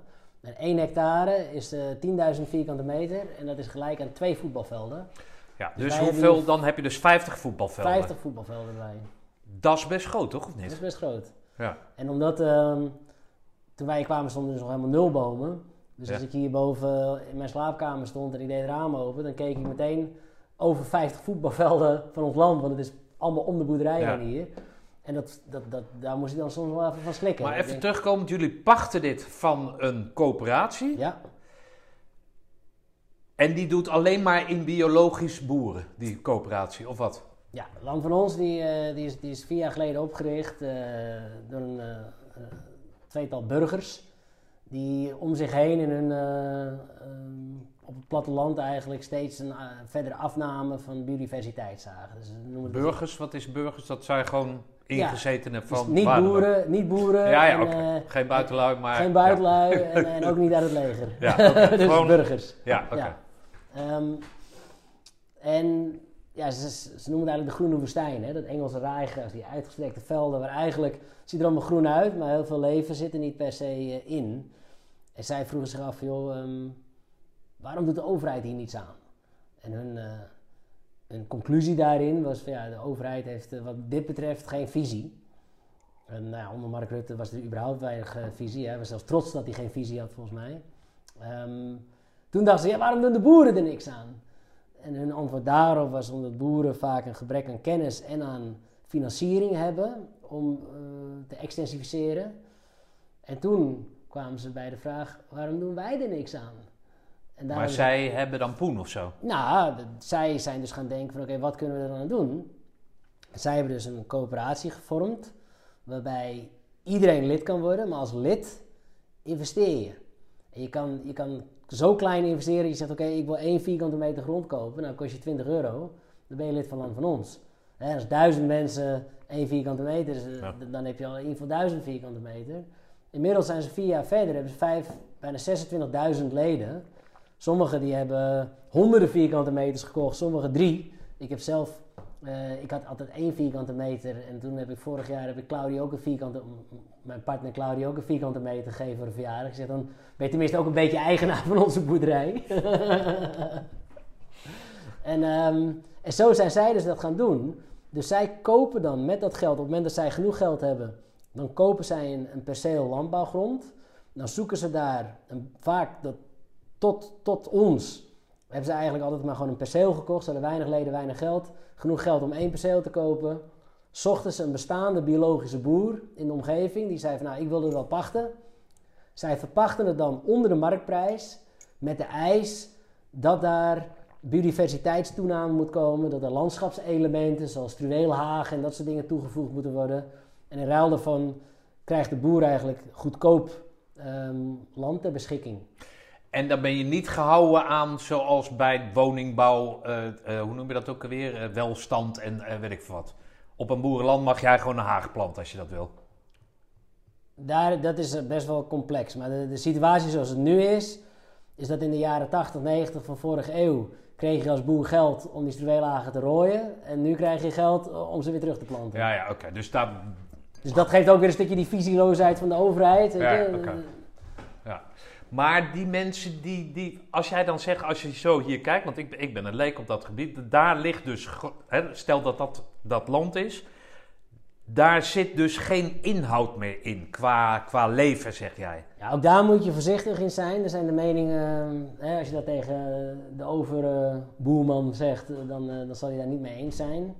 Um, maar wat je ziet is, er zit weinig biodiversiteit. Dus er, er zit alleen maar Engels raaigras. Waaigras? Engels raaigras. Oh, dat is de variëteit aan gras en die doet het heel goed. Die produceert heel veel. Maar die produceert heel veel als hij uh, genoeg water krijgt en genoeg stikstof. Dus er wordt ook veel kunstmest en mest uitgereden. En dan krijg je een hele hoge opbrengst. Maar andere grassoorten die het beter doen met minder stikstof, en uh, kruiden en bloemen, ja, die, die heb je dus niet in deze grassoort zitten. En dat betekent dus dat insecten die heel erg houden van die bloemetjes en dieren die houden van die kruiden en zo, ja, die hebben daar eigenlijk ook niks te zoeken. Hmm. En, en, en dat vertaalt zich ook weer toe. Je hebt maar één, één type gras met één type wortel in de grond. En daar zijn, daar, daar zijn bepaalde beestjes die kunnen het goed met Engels rijgras. Maar alle andere beestjes niet. En die zul je daar dus ook niet vinden. Dus die maar wat doe je met dat rijgras? Wat is het product van die... Oh, oké. Okay. Dat is oh, zo. Ja, ja, oké. Okay. En, um, deel van het gras hier aan de overkant, dat wordt beweid. Dus daar lopen de koeien ook nog buiten. Ja. Dit is ook een relatief extensieve boer. Heel veel boeren in Nederland die laten de koeien helemaal niet meer buiten. Dus dan wordt het gras wordt alleen maar gemaaid, ingekuild. En, en, en als kuilgras gevoerd, uh, samen met krachtvoer hm. aan, aan de koeien. Ja, ja. ja en, en dat is dus... Um, en in dit gebied, 100 jaar geleden, was het ongeveer zo dat je een derde akkerland had, een derde weiland voor koeien en een derde fruitboomgaard. Hm. En dat is zich eigenlijk, hè, in de afgelopen 100 jaar zijn, koeien, zijn boeren zich gaan uh, speci specialiseren. Dus je was of melkveehouder, of je was akkerbouwer, of je was fruitteler. En in dit gebied is het overwegend uh, melkveehouders geworden met wat uh, grote akkerbouwers ertussen. Alle struweelhagen die zijn er tussenuit gerooid en de fruitteelt is zo goed als verdwenen. En wij willen eigenlijk um, dat diverse landschap weer terugbrengen. Hm. En wij geloven ook van ja, dat, dat, dat kan je ook, dat is ook meetbaar. Op het moment dat je diverse wijze zo'n gemengd bedrijf hebt, dan haal je eigenlijk de biodiversiteitswaardes qua planten en, en, en insecten en dierensoorten die vergelijkbaar is of hoger is dan bepaalde natuurgebieden. Hoeveel voetbalvelden heeft die coöperatie nu in bezit dan? Ehm, zij hebben inmiddels 300 hectare, dus ze hebben 600, 600 voetbalvelden. hun hun eh, ambitie is om 300.000 hectare in bezit te hebben, dus 600.000 voetbalvelden. Maar ja, weet je, dat zie je gewoon. Hier kost de landbouwgrond kost, eh, 75.000 euro per hectare. Hè? Dus zij hebben, zij hebben voor, dit, voor dit bedrijf hebben zij 2,5 miljoen euro betaald, inclusief het huis. Dus als je gaat kijken naar het kapitaal wat je op moet brengen om uiteindelijk grote speler te worden in de landbouwgrond, ja, dat, dat, is, dat is gigantisch.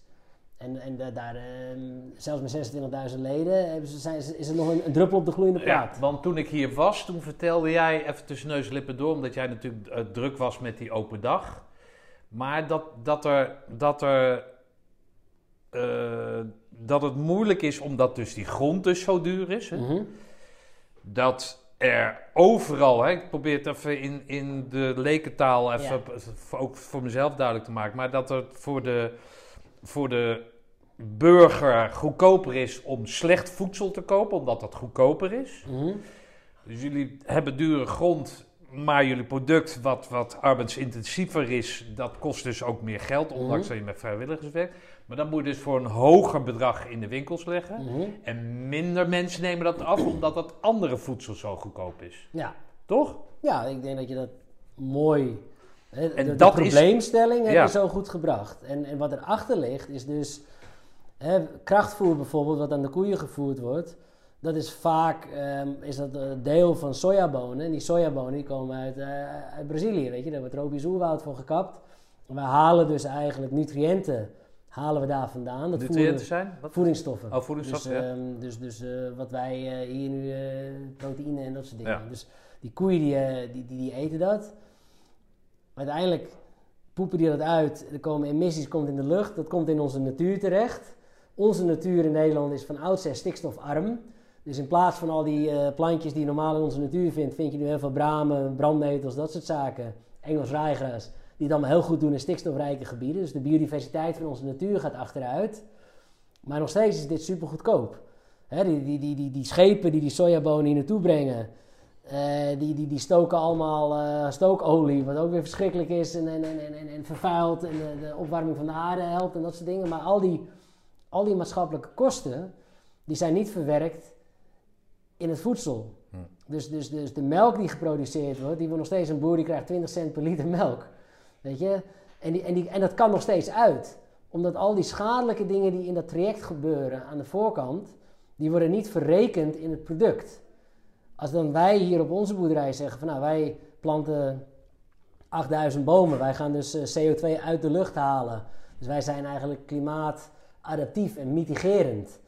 Ehm, Miti? mitigerend. Dus wij, wij, wij, wij temperen eh, de klimaatverandering doordat wij niet CO2 Oh, uitstoten, maar CO2 innemen. Ja. Wij telen vlinderbloemige gewassen die stikstof pakken uit de lucht. Dus wij, wij zorgen eigenlijk dat de stikstof op weg naar het natuurgebied, dat die hier al gevangen wordt. Hm. In, in vlinderbloemige gewassen, dus bonen bijvoorbeeld. Wij telen bonen. Nou, dat kunnen wij dus weer eten. Dat zijn plantaardige eiwitten. Dus in plaats van dat het eerst door een dier moet en dan we dierlijke eiwitten eten, kan je ook plantaardige eiwitten eten. Ehm, de water die via de wetering op ons bedrijf eh, vloeit, ook die boomwortels en die eh, verschillende planten, die zuiveren het water. Het water stroomt hier eigenlijk schoner van de boerderij af dan dat erop komt. Hm. Maar bij een andere boer die water, grondwater vreinigt, verontreinigt, ja, die hoeft daar niet voor te betalen. Weet je, ergens verderop zit dan een, eh, een grote reinigingsinstallatie. dus die maatschappelijke kosten die zitten er niet in. Als je bij ons eten koopt, dan koop je dus eigenlijk allerlei ecosysteemdiensten. Allerlei dingen die wij doen. Wij verhogen de biodiversiteit, we binden de koolstof, we doen al die dingen wat ik net vertelde. Wij geven vrijwilligers een beetje ehm, een mooie dag, wij maken het landschap mooier hier. Alleen die dingen, die koop je er ook bij bij ons product. Alleen ja, dat heeft geen waarde. Ja. Dus het, eigenlijk het enige wat je nu zegt is van ja, fuck, dat is duur. Hè? De, de, de, de, het biertje van de Biesterhof, dat is een duur biertje. Maar dat komt dus, en je hebt iets dat heet true cost pricing, waarin dus die, als je iets goed doet, dan krijg je daar dus geld voor waardoor je product goedkoper wordt. Als je iets vervuilt, dan moet je daarvoor betalen waardoor je product duurder wordt. Ja. En als je dus, alleen er zitten hele ingewikkelde rekenmethodes achter. En dan moet de wetenschap moet daar ook nog een slag in maken, dat ze het ook goed kunnen becijferen. En als dat zou gebeuren, dan zouden onze producten, en biologische producten, zouden goedkoper zijn dan gangbare producten. Hmm. En dat is wel iets, je ziet die beweging in Europa, dat is wel iets waar we rustig aan naartoe bewegen. Maar dat gaat nog wel eh, tientallen jaren duren voordat we daar zijn. We gaan het zo nog even daarover hebben, maar ik wil het even hebben over ehm, dat je de dienst verlaat. Ja. En waarom je dan hiervoor kiest. Ja, Waarom verlaat je de dienst? Ja. Ik heb. ehm, ik was dus van plan om vijf jaar eh, bij het leger te blijven. Nou, toen kwam ik uiteindelijk bij de commando's. eh, ploegcommandant eh, geweest. Maar toen ik paraat kwam, toen viel het kabinet in 2010, volgens mij was dat. vertrokken we uit Oeruzgan en gingen dus helemaal nergens naartoe. Ik heb de eerste eh, 3,5, 4 jaar als, als ploegcommandant heb ik, eh, ben ik niet op uitzending geweest. En in die podcast met eh, Martijn van der Klis, ja, die zegt dat heel mooi, hè? Want ik heb die vergelijking ook altijd. Je, je speelt dan wel voor een Champions League elftal, maar je zit altijd op de bank. Weet je wel? Dus, dus ja, weet je, ik, ik speelde nooit. En dat gevoel, en daardoor dacht ik, ik zat toen heel erg in dubio, van ja, wat, wat ga ik nou doen? En ik dacht van, nou ja, fuck it, ik ga gewoon, ik blijf gewoon ploegcommandant. Totdat we wel een keer wat gaan doen. En op een gegeven moment begon er weer wat te komen. En eh, uiteindelijk ben ik, eh, ben ik, ben ik eh, vier keer op uitzending geweest. En ik ging van ploegcommandant, werd ik NPO. Dus kapitein meervoudige ploegoptreden. En ik ben als NPO nog naar Mali geweest. Dat was de uitzending waarin die twee jongens met een mortierongeluk omkwamen. En, ehm, ja, en wat je dan ziet, is dat er worden allemaal onderzoeken opgestart. De VN komt een onderzoek doen, eh, OM komt een onderzoek doen, eh, het leger doet zelf nog, de marechaussee komt een onderzoek doen. En wij hadden heel sterk het gevoel dat vanuit, de vanuit de OM en uit- vanuit het leger, dat ze echt op, op tactisch niveau die fout proberen te leggen. Dus ja, waarom werd die schietoefening daar toen gedaan? Was er wel een goed, een juist schietbevel om dat te doen? Ehm, hey, de mortiergranaten die lagen in eh, in, een, in, een, in een container opgeslagen waar de temperaturen te hoog waren. Nou, daar dachten ze ons toen op te pakken. Nou, wij konden drie e-mails in de drie rotaties daarvoor konden wij laten zien dat wij Den Haag hadden ge-mailed. Van jongens, geef ons nou verdomme een goede koelcontainer, want die mortiergranaten die liggen te warm. Weet je, dus, dus alles konden wij weer leggen. We hadden al onze zaken dusdanig... Wij is het Nederlands leger, gewoon de, de mannen. Of puur jullie afdeling. Ja, dus gewoon de commando's die daar Mali draaiden, die die uitzending draaiden. En, en, en op dat moment ook nog eens onze rotatie. Dus wij konden laten zien van ja, er was wel een schietbevel en het was wel nodig om daar te schieten. En die morti- mortiristen die schoten, die op 120 mm mortieren opgeleid waren en die nu met 60 mm mortieren schoten, die zijn intern door ons tijdens de uitzending, conform het boekje, eh gecross-trained om dit te mogen doen. Wij konden alles laten zien. En er zijn nog steeds ook, ook, ook eh, de, de, de, de commandant eh, SOTG en de luitenant eh, Sander daar toen verantwoordelijk voor was. Iedereen in dat lijntje had alles gewoon goed voor elkaar. En daardoor konden ze eigenlijk helemaal niks op ons pinnen. Daardoor waren ze wel genoodzaakt, en dit is mijn persoonlijke opvatting, hè, en er zit wel wat wrevel, waren ze genoodzaakt om dan toch maar hogerop te gaan zoeken van oké, waar ligt dan de fout? En uiteindelijk kwamen ze erachter van ja, dat waren klote Bulgaarse mortieren die in een noodgreep naar Afghanistan gehaald waren toen er te weinig waren. Inmiddels was er al lange nota uit van de Amerikanen van joh, dat is troep. Die mortieren moeten vernietigd worden, die, die granaten. Nederland die was te goedkoop om dat te doen, heeft dat niet gedaan. Heeft ze teruggehaald naar Nederland en heeft ze uiteindelijk met ons mee naar Mali gestuurd. En vervolgens zijn er twee jongens dood. En proberen ze dat eerst nog op tactisch niveau te doen. En uiteindelijk is toen eh, de, de CDS en de minister zijn afgetreden. Ik was toen de dienst al uit. Ik zat in, eh, in Zuid-Amerika op een crossmotor toen ik dat hoorde. En op dat moment moest ik opeens janken. Weet je, en toen kwam het allemaal eruit. Want op dat moment, weet je, dat het gebeurt. Ja, je moet en door met je missie. Je moest, eh, het liefst hadden ze ons gewoon de dag daarna meteen weer op patrouille in de Sahara gezien. Er lopen die drie onderzoeken. Eh, je komt thuis eh, in Nederland en, en, en alles gaat gewoon door. Dus, dus die mentale verwerking, emotionele verwerking, die kwam toen pas eigenlijk. Toen het bleek van ja, weet je, de fout die lag wel degelijk ergens anders. En er zijn nu op hoogste niveau zijn, zijn de mensen afgetreden hierom. Maar het liefst had de politiek en het Nederlands leger dat helemaal niet zo gezien. En dan uh, was Ben Haspels gewoon ontslagen wat dan ook. Dus, dus dat, dat gevoel, hè, het gevoel dat, dat ik inmiddels uh, mijn uitdagingen, mijn diepgang wel gevonden had. En het gevoel dat ik voor steeds meer mensen moest uitleggen wat we aan het doen waren, terwijl ik er zelf steeds minder mee eens was.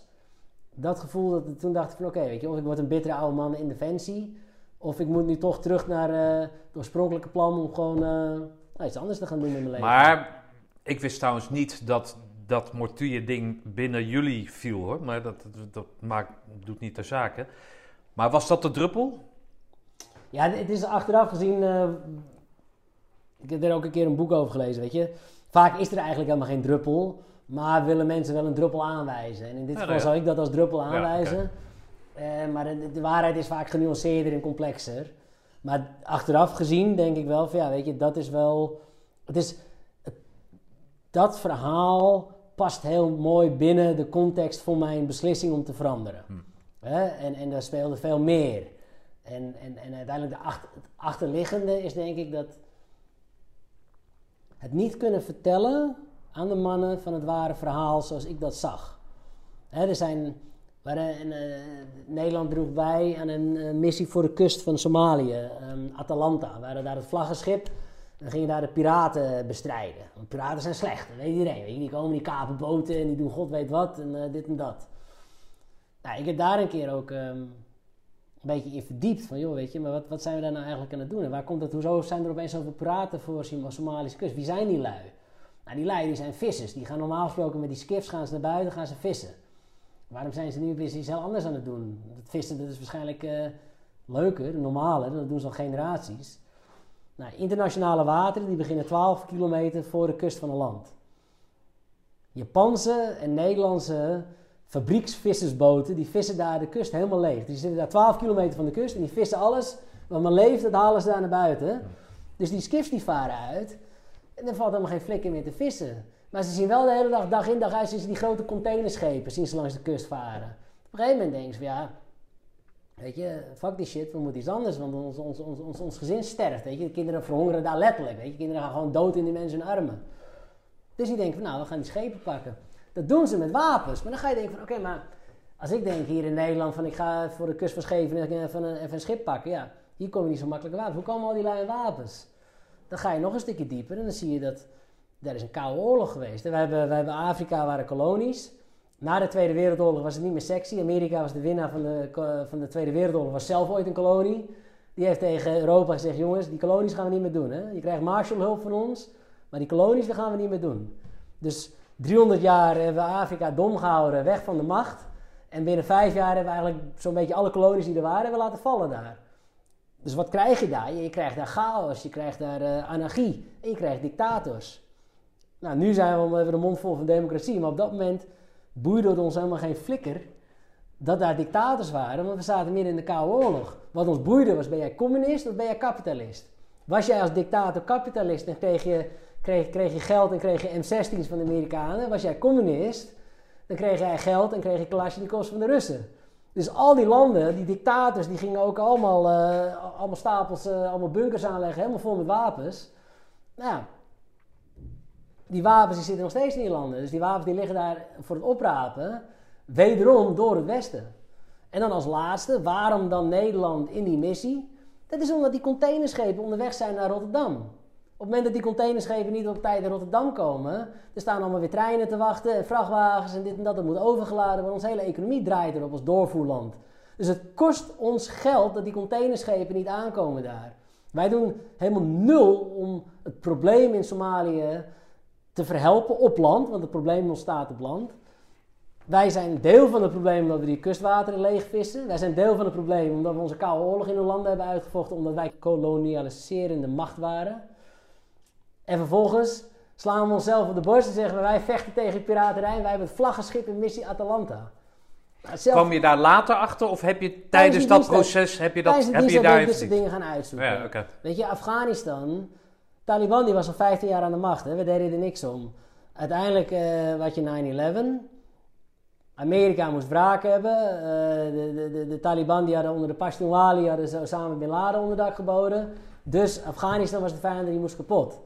Het verhaal wat Nederland vertelde, en wij zaten in de NATO, dus we moesten wel een beetje meedoen. En als je kijkt in die periode dat wij in Afghanistan zaten, werd Balkenende, de G20 was opeens de G21. Want op al die meetings Hè, was Balkenende was nummertje 21, die werd ook Oh, uitgenodigd. zo, ja. Ja, ja. Dus economische belangen die zaten er. Maar wij vertelden hier in Nederland, het is een opbouwmissie. En we gaan helpen dat, dat vrouwen weer eh, naar school mogen daar en dat soort dingen. Maar die vrouwen die mochten al 15 jaar niet naar school. En, en de CIA heeft notabene de Taliban en de macht geholpen bij het, bij het vechten tegen, tegen de Russen. Maar het verhaal dat vertelde, als eh, Mali, wij wilden een VN-veiligheidsraad wisselzetel. Gewoon, en, en misschien is dat wel om vrouwenrechten uit te dragen in de wereld, dat we daarom bij de VN-veiligheidsraad wilden. Dat kan, maar wij wilden die wisselzetel. Een ongeschreven wet binnen de VN is als jij zo'n zetel wil, als je wil dat wij op jou stemmen, dan moet je niet alleen maar geld geven aan de VN, maar dan moet je boots on the ground hebben. Jij moet bijdragen aan een huidige VN-missie. Nederland had dat niet, we hadden nergens een vlaggetje. Mali kwam, perfect moment om daar een vlaggetje te planten en, eh, en, wat, en, en wat lui naar Mali te sturen. Het verhaal wat verteld werd, ja, wij gaan de democratie verdedigen daar, want, want, want, die, die, die jihadisten die komen eraan en dit en dat. Maar dat was het niet. Wij wilden een VN-veiligheidsraad wisselzetel hebben. En dan denk ik bij mezelf, ja, dat is prima. Weet je. Als wij dat willen en daarvoor gebruiken we het leger. Leger is een uh, verlengstuk van de diplomatie. Wat politiek wordt het ingezet. Wij stemmen VVD. VVD zegt de economie is belangrijk. Wij gebruiken ons leger om de buitenlandse economische belangen van Nederland te behartigen. Dan denk ik, nou, dat is helemaal prima. Dat verhaal kan ik vertellen. Ik kan in Mali kan ik vertellen, jongens, wij gaan nu de poort uit. Niet omdat we de democratie van Mali gaan beschermen. Wij gaan de poort uit omdat wij die VN-veiligheidsraad wisselzetel willen hebben. Daardoor hebben wij inspraak in de wereld en worden wij als Nederland gehoord. Dat verhaal kan ik vertellen, maar dat verhaal mocht ik niet vertellen. Ik moest vertellen, wij beschermen de democratie van Mali. Terwijl 130 mensen me aankeken en dachten van ja, dikke vinger houden, dat is gewoon bullshit. Ouwe. Ja, ja. ja weet je, dat is gewoon, dat is, Ja. dat is gewoon niet waar. Nee, maar dus wat jij eigenlijk wil zeggen van de druppel, die, hè, die ga je later aanwijzen. Of dan, dan Ja. gaan mensen zeggen, nou dat was de druppel, terwijl dat gewoon een ongoing proces is. Ja, Maar jij hebt voldoende tegenwind gehad. ja. En die voldoende tegenwind maakt dat je je gaat verdiepen in je functie. Van wat doen wij hier Ja. dus eigenlijk? Ja, ja. En dan blijkt in één keer dat het dus niet meer het vechten is voor volk en vaderland, maar dat het gewoon puur om de poem gaat. ja, maar dat kan ook voor volk en Nee, vaderland natuurlijk. zijn, hè? Nee, Alleen- natuurlijk. Nee, dat is alleen- eigenlijk helemaal voor volk en vaderland, Snap maar je? kan het dus niet vertellen. Je kan niet... Precies. En Het dat, is- het is dat, gewoon- dat gaat botsen bij jou. Ja, het, is, het, het voelde eh, politieke huigelarij. Hm. Weet je wel? En dat, en dat vertaalde zich toen ook nog eens letterlijk in het feit dat, dat, dat, dat, zoals wij dat toen ervaren hebben, wij wilden als Nederland die VN-veiligheidsraadzetel, daarvoor moesten we naar Mali, maar het mocht eigenlijk geen stuiver kosten. We moesten voor een dubbeltje weer eens op de eerste rij zitten, dus wij werden er ook naartoe gestuurd. Met, met, met, met, met bushmasters waar letterlijk de wielen van afvielen. Met oude Bulgaarse mortiergranaten die we niet eens goed konden opslaan daar. En, en, en, en toch probeerde ze zichzelf dan in te dekken toen het fout ging. En, en daardoor was het dus denk ik eh, in het verhaal, dat was dan wel die druppel. En, en, en toen wist ik van, nou weet je wat ik moet doen, dus ik moet nu stoppen in het leger. En, Gedesillusioneerd? Is, Nee. is het, nee, Nee? nee, nee, nee, nee. gewoon Omdat je ik, dus, tijd is geweest en... omdat ik dus ook niet in het leger zat, omdat ik dacht van, ik ga de wereld beter maken. Ja. Ik heb daar gevonden wat ik zocht. Ik ben super blij en trots op alles eh, wat ik daar heb meegemaakt, wat ik heb geleerd. Ik ben super blij met mijn tijd in het leger. En ik denk dat ik er voor mezelf op precies het juiste moment ben uitgestapt. Voordat ik eh, verbitterd werd. En voordat ik dus ook minder goed werd in mijn werk.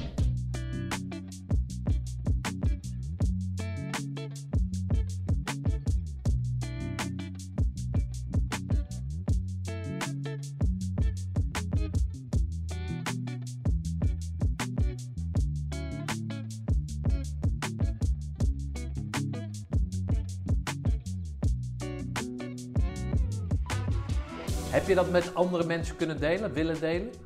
Ja. Deze denkbeelden? Ja, alle- alleen wat ik soms ehm praat een beetje. Wat, wat, kijk, sommige mensen stoppen in het leger en die hebben een plan. En, en, en dat, dat is acceptabel. Ook met name in Nederland, waar je eigenlijk eh, maatschappelijk gezien is alles heel geordend. En dan hebben we allemaal een plan en een carrière en, en dat soort zaken. En, en op het moment dat je, dat je in het leger stopt om, om, om, om, een studie op te pakken of een PhD te doen of dit te doen of dat te doen of om eh, voor een Triangular Group te werken wat dan ook, dan is dat acceptabel. Maar ik zei eigenlijk van nou, ik weet niet wat ik ga doen, maar in ieder geval niet meer dit. En dat is dan soms een beetje confronterend voor mensen. Dat ze denken, oké, dus wat wij doen is niet goed. En, en, en dat, ja, dat, dat, dat was soms moeilijk. Eh, maar ik vertelde dat toch altijd. En, Nee, maar dat je je dus niet meer kon verenigen met de boodschap die je niet zou mogen brengen. Ja, maar dat is dan weer ehm, niet zou mogen brengen, weet je wel. Ik denk gewoon, er werd gewoon Want je te bent weinig... leidinggevend, dus je, je, kan niet, je kan niet de moraal naar beneden halen door te zeggen, jongens, maar Nou denk ja. jij nou dat we hier zijn om volken... Precies. Hè? Dus, dus, dus, dus, dus, nee, dat, dat, Dat- was daarmee gewoon, kon was je- tijd om te gaan. Ja, oké. Dus ja. Ja. dat is dan goed dan, toch? Ja. Om, En wat ik toen, wat ik dus, en dan komt het verhaal weer terug bij, bij, bij mijn ouders. En, en misschien, ja, daarin ben ik hun super dankbaar. Ik had dus een hotelschooldiploma. Hè, dus uiteindelijk voelde ik, toen kwam een beetje dat vertrouwen weer van, van, van vroeger, dat ik dacht van ja, weet je, ik spreek vier verschillende talen. Ik heb een bachelor hotelschool van de beste hotelschoolopleiding, eh, een van de beste ter wereld ja, wie kan mij wat maken als ik hier nu gewoon stop? Ik vind wel een baan. Ik vind wel wat, weet je. En dat, dat komt allemaal wel goed.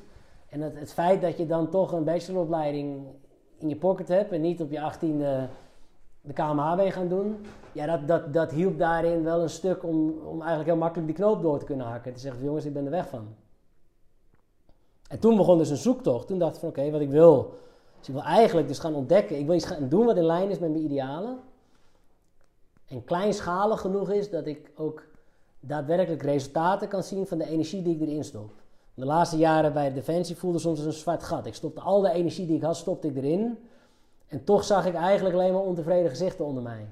Omdat het verhaal onverkoopbaar was. En, en ik dacht van ja, weet je, uiteindelijk eh, moet ik iets vinden wat, wat ik wel kan verkopen. En wat ik gewoon zie, weet je. En, en, maar daarvoor moest ik mijn idealen gaan ontdekken. Moest ik eerst kijken van oké, maar wat is dat dan waar ik in geloof? Maar zeg jij nou dat, dat Special Forces eigenlijk alleen maar kunnen renderen als er uitzending is? Dat je ze niet continu, zeg maar, op die, super getraind op die reservebank kan houden? Moet er altijd actie zijn, echte actie zijn, om, om die kerels tevreden te houden? Of spreek voor jezelf, is, is dat... Ja, nee, dat, dat, is, dat staat helemaal los van wat ik bedoelde. Nee, dat snap ik, maar Ja. dat is even Ehm, tussendoor. Ja, dus, dus nee, wat, wat ik zeg is, ehm, is, is eh, wij passen opdrachtgerichte commandovoering toe. Wij verwachten dat, eh, dat wij slimme meedenkende mensen hebben onder ons. En op het moment dat wij hun een kontverhaal vertellen, dan kijken ze je aan en dan weten ze gewoon, veel, dat is gewoon een kontverhaal.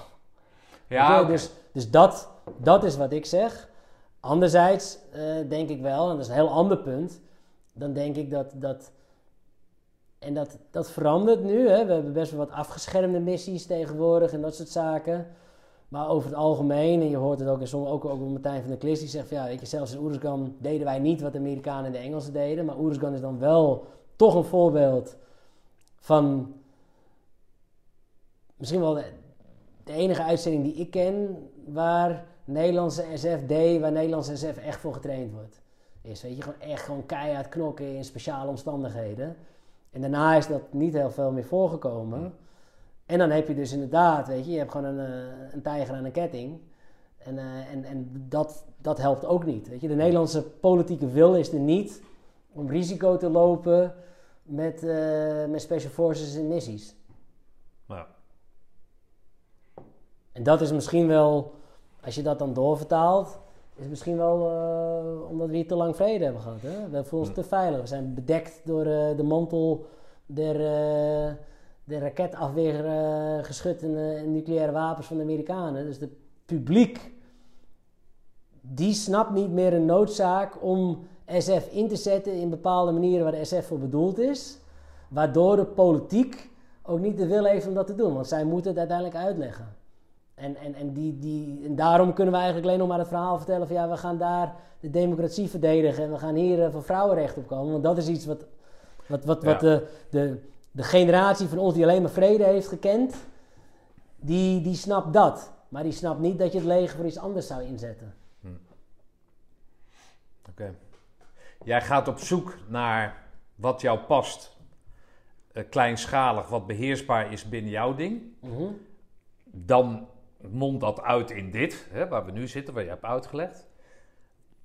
Zijn er nog andere alternatieven, zijn er nog andere richtingen waarin jij je dan in gaat verdiepen wat bij jou passend zou zijn? Ja, en mijn toenmalige partner, Rianne, die heeft mij daar heel erg bij geholpen. Want ik stopte in het leger. Zij eh, had al veel eerder eh, radicale omslag gemaakt. Zij had ook hotelschool Den Haag gedaan, maar na mij was ze vervolgens model geworden. En ehm, speelde een keer in een, eh, in een Coca-Cola reclame op tv. En eh, dacht bij zichzelf, joh, wat ben ik hier godsnaam aan het doen? Ik verbind letterlijk mijzelf aan, een, aan, een, aan iets wat één op één de consumptiemaatschappij vertegenwoordigt. eh, ongezond is ehm, en wat ik zelf niet eens lekker vind. En zij heeft toen een radicale omslag gedaan, al de wereldlijke bezittingen van de hand gedaan. En ehm, is na wat omzwervingen is zij huisdieroppasser geworden, gratis voor mensen. En, eh, waardoor ze gewoon heel veel tijd had. En, en ik wilde op reis. Zij zei, ja, ik wilde... Maar dat was nog samen met jou. Jullie Ja, waren toen nog bij elkaar. Ik leerde haar kennen toen ze dat al deed. Oh, dat dieren oppassen. Ja, ja, ja. ja. Oké. ja. En, eh, en ik, ik, ik ging uiteindelijk de dienst uit. Dat vond zij een prima keuze. En wij zouden samen op reis gaan. Ik wilde, net als eh, collega Roy, die dat met zijn eh, partner Latoya gedaan, eh, wilde ik op, eh, cross, wilde ik op, op enduro motoren de wereld om. Op wat? Op, op eh, van, die, eh, van, die, van die Dakar-achtige motoren, Oh, zo'n. Africa Twin. eh, wilde ik de wereld om. Zij zei van ja, dag, eh, dat gaan we echt niet doen. Eh, alleen maar eh benzine slurpen, lawaai maken en dingen waarbij je ook nog zo snel reist dat je helemaal geen tijd hebt om het land te zien. Zij zei ik wil iets langzaams doen. Dus uiteindelijk hebben we een compromis gedaan. We hebben op eh, Chinese 100, 250cc crossmotortjes en we zijn we Zuid-Amerika doorgetrokken. En daarna hebben we de Pacific Crest Trail gelopen in Noord-Amerika. Dus we hebben uiteindelijk totaal 2.500 kilometer te voet 2500? Oké. van, van Mexico naar, naar Canada zijn we gelopen. En ehm, Maar zij was dus ook zo fit dan? ja, zij kreeg uiteindelijk last van de eh, aanhechtingen bij de knie. Waardoor we pauze moesten nemen. Toen zijn we, maar ja, dat is daar kom ik zo op. Voordat we vertrokken, zei ik van, joh, weet je wat ik ga doen als we terug zijn? Dan ga ik, ik ga voor het Rode Kruis werken. En dan word ik een soort ehm, crisismanager. Want stel dat het losgaat in het eh, Centraal-Afrikaanse Republiek of zoiets. Dan hebben ze daar iemand nodig die en met de rebellen en met de regering gaat praten, tentenkampen neer gaat zetten. Ik zeg, maar dat leger in hotelschool achtergrond, dat is perfect jongen. Dat, wordt een fantastische baan man, dat ga ik doen. Toen werd zij heel boos op mij. Ze zegt, Jij ja, moet niet dachten, je moet denken. zij, ja, precies, precies. Zij zegt, zij zegt, ja, als jij nu al weet wat je wil gaan doen, dan hoef je helemaal niet meer op reis. Ze ik, ben, ik heb al genoeg gereisd. Ze zegt, dan moet jij gewoon lekker stoppen in het leger, dan moet jij lekker dat gaan doen. Ze zegt, maar als jij met mij op reis wil, dan moet jij bereid zijn om, om, om alles wat je denkt te weten, alles wat je dacht, moet je loslaten. En, en dan moet je gewoon eh, onbevangen moet je erin gaan. En je moet die reis, die fysieke, maar ook die mentale reis, moet jij zijn werk laten doen. En je moet openstaan voor nieuwe ontwikkelingen. En, en dat brengt je misschien wel ergens waar je helemaal niet dacht dat je zou komen. Nou, dat heb ik haar toen beloofd. En al snel kwam ik erachter in Zuid-Amerika van, joh, weet je... Ik, mijn ouders hebben elkaar ontmoet in de South African Mountain Club. Die hebben elkaar in de berg ontmoet. En ik werd al als een jongs kind werd ik al op avontuurlijke vakanties met tentjes eh, wekenlang de bergen in eh, meegesleurd en dit en dat. En natuur is altijd heel belangrijk voor mij geweest. Maar ik heb er nooit iets mee gedaan. Hotelschool, legers, allemaal mensen, mensen, mensen. Gedurende Zuid-Amerika dacht ik al joh, ik moet iets eh, met natuurbescherming gaan doen. Ik moet voor een wereldnatuurfonds gaan werken of zoiets. En toen, gedurende die reis, zag ik eigenlijk van, joh...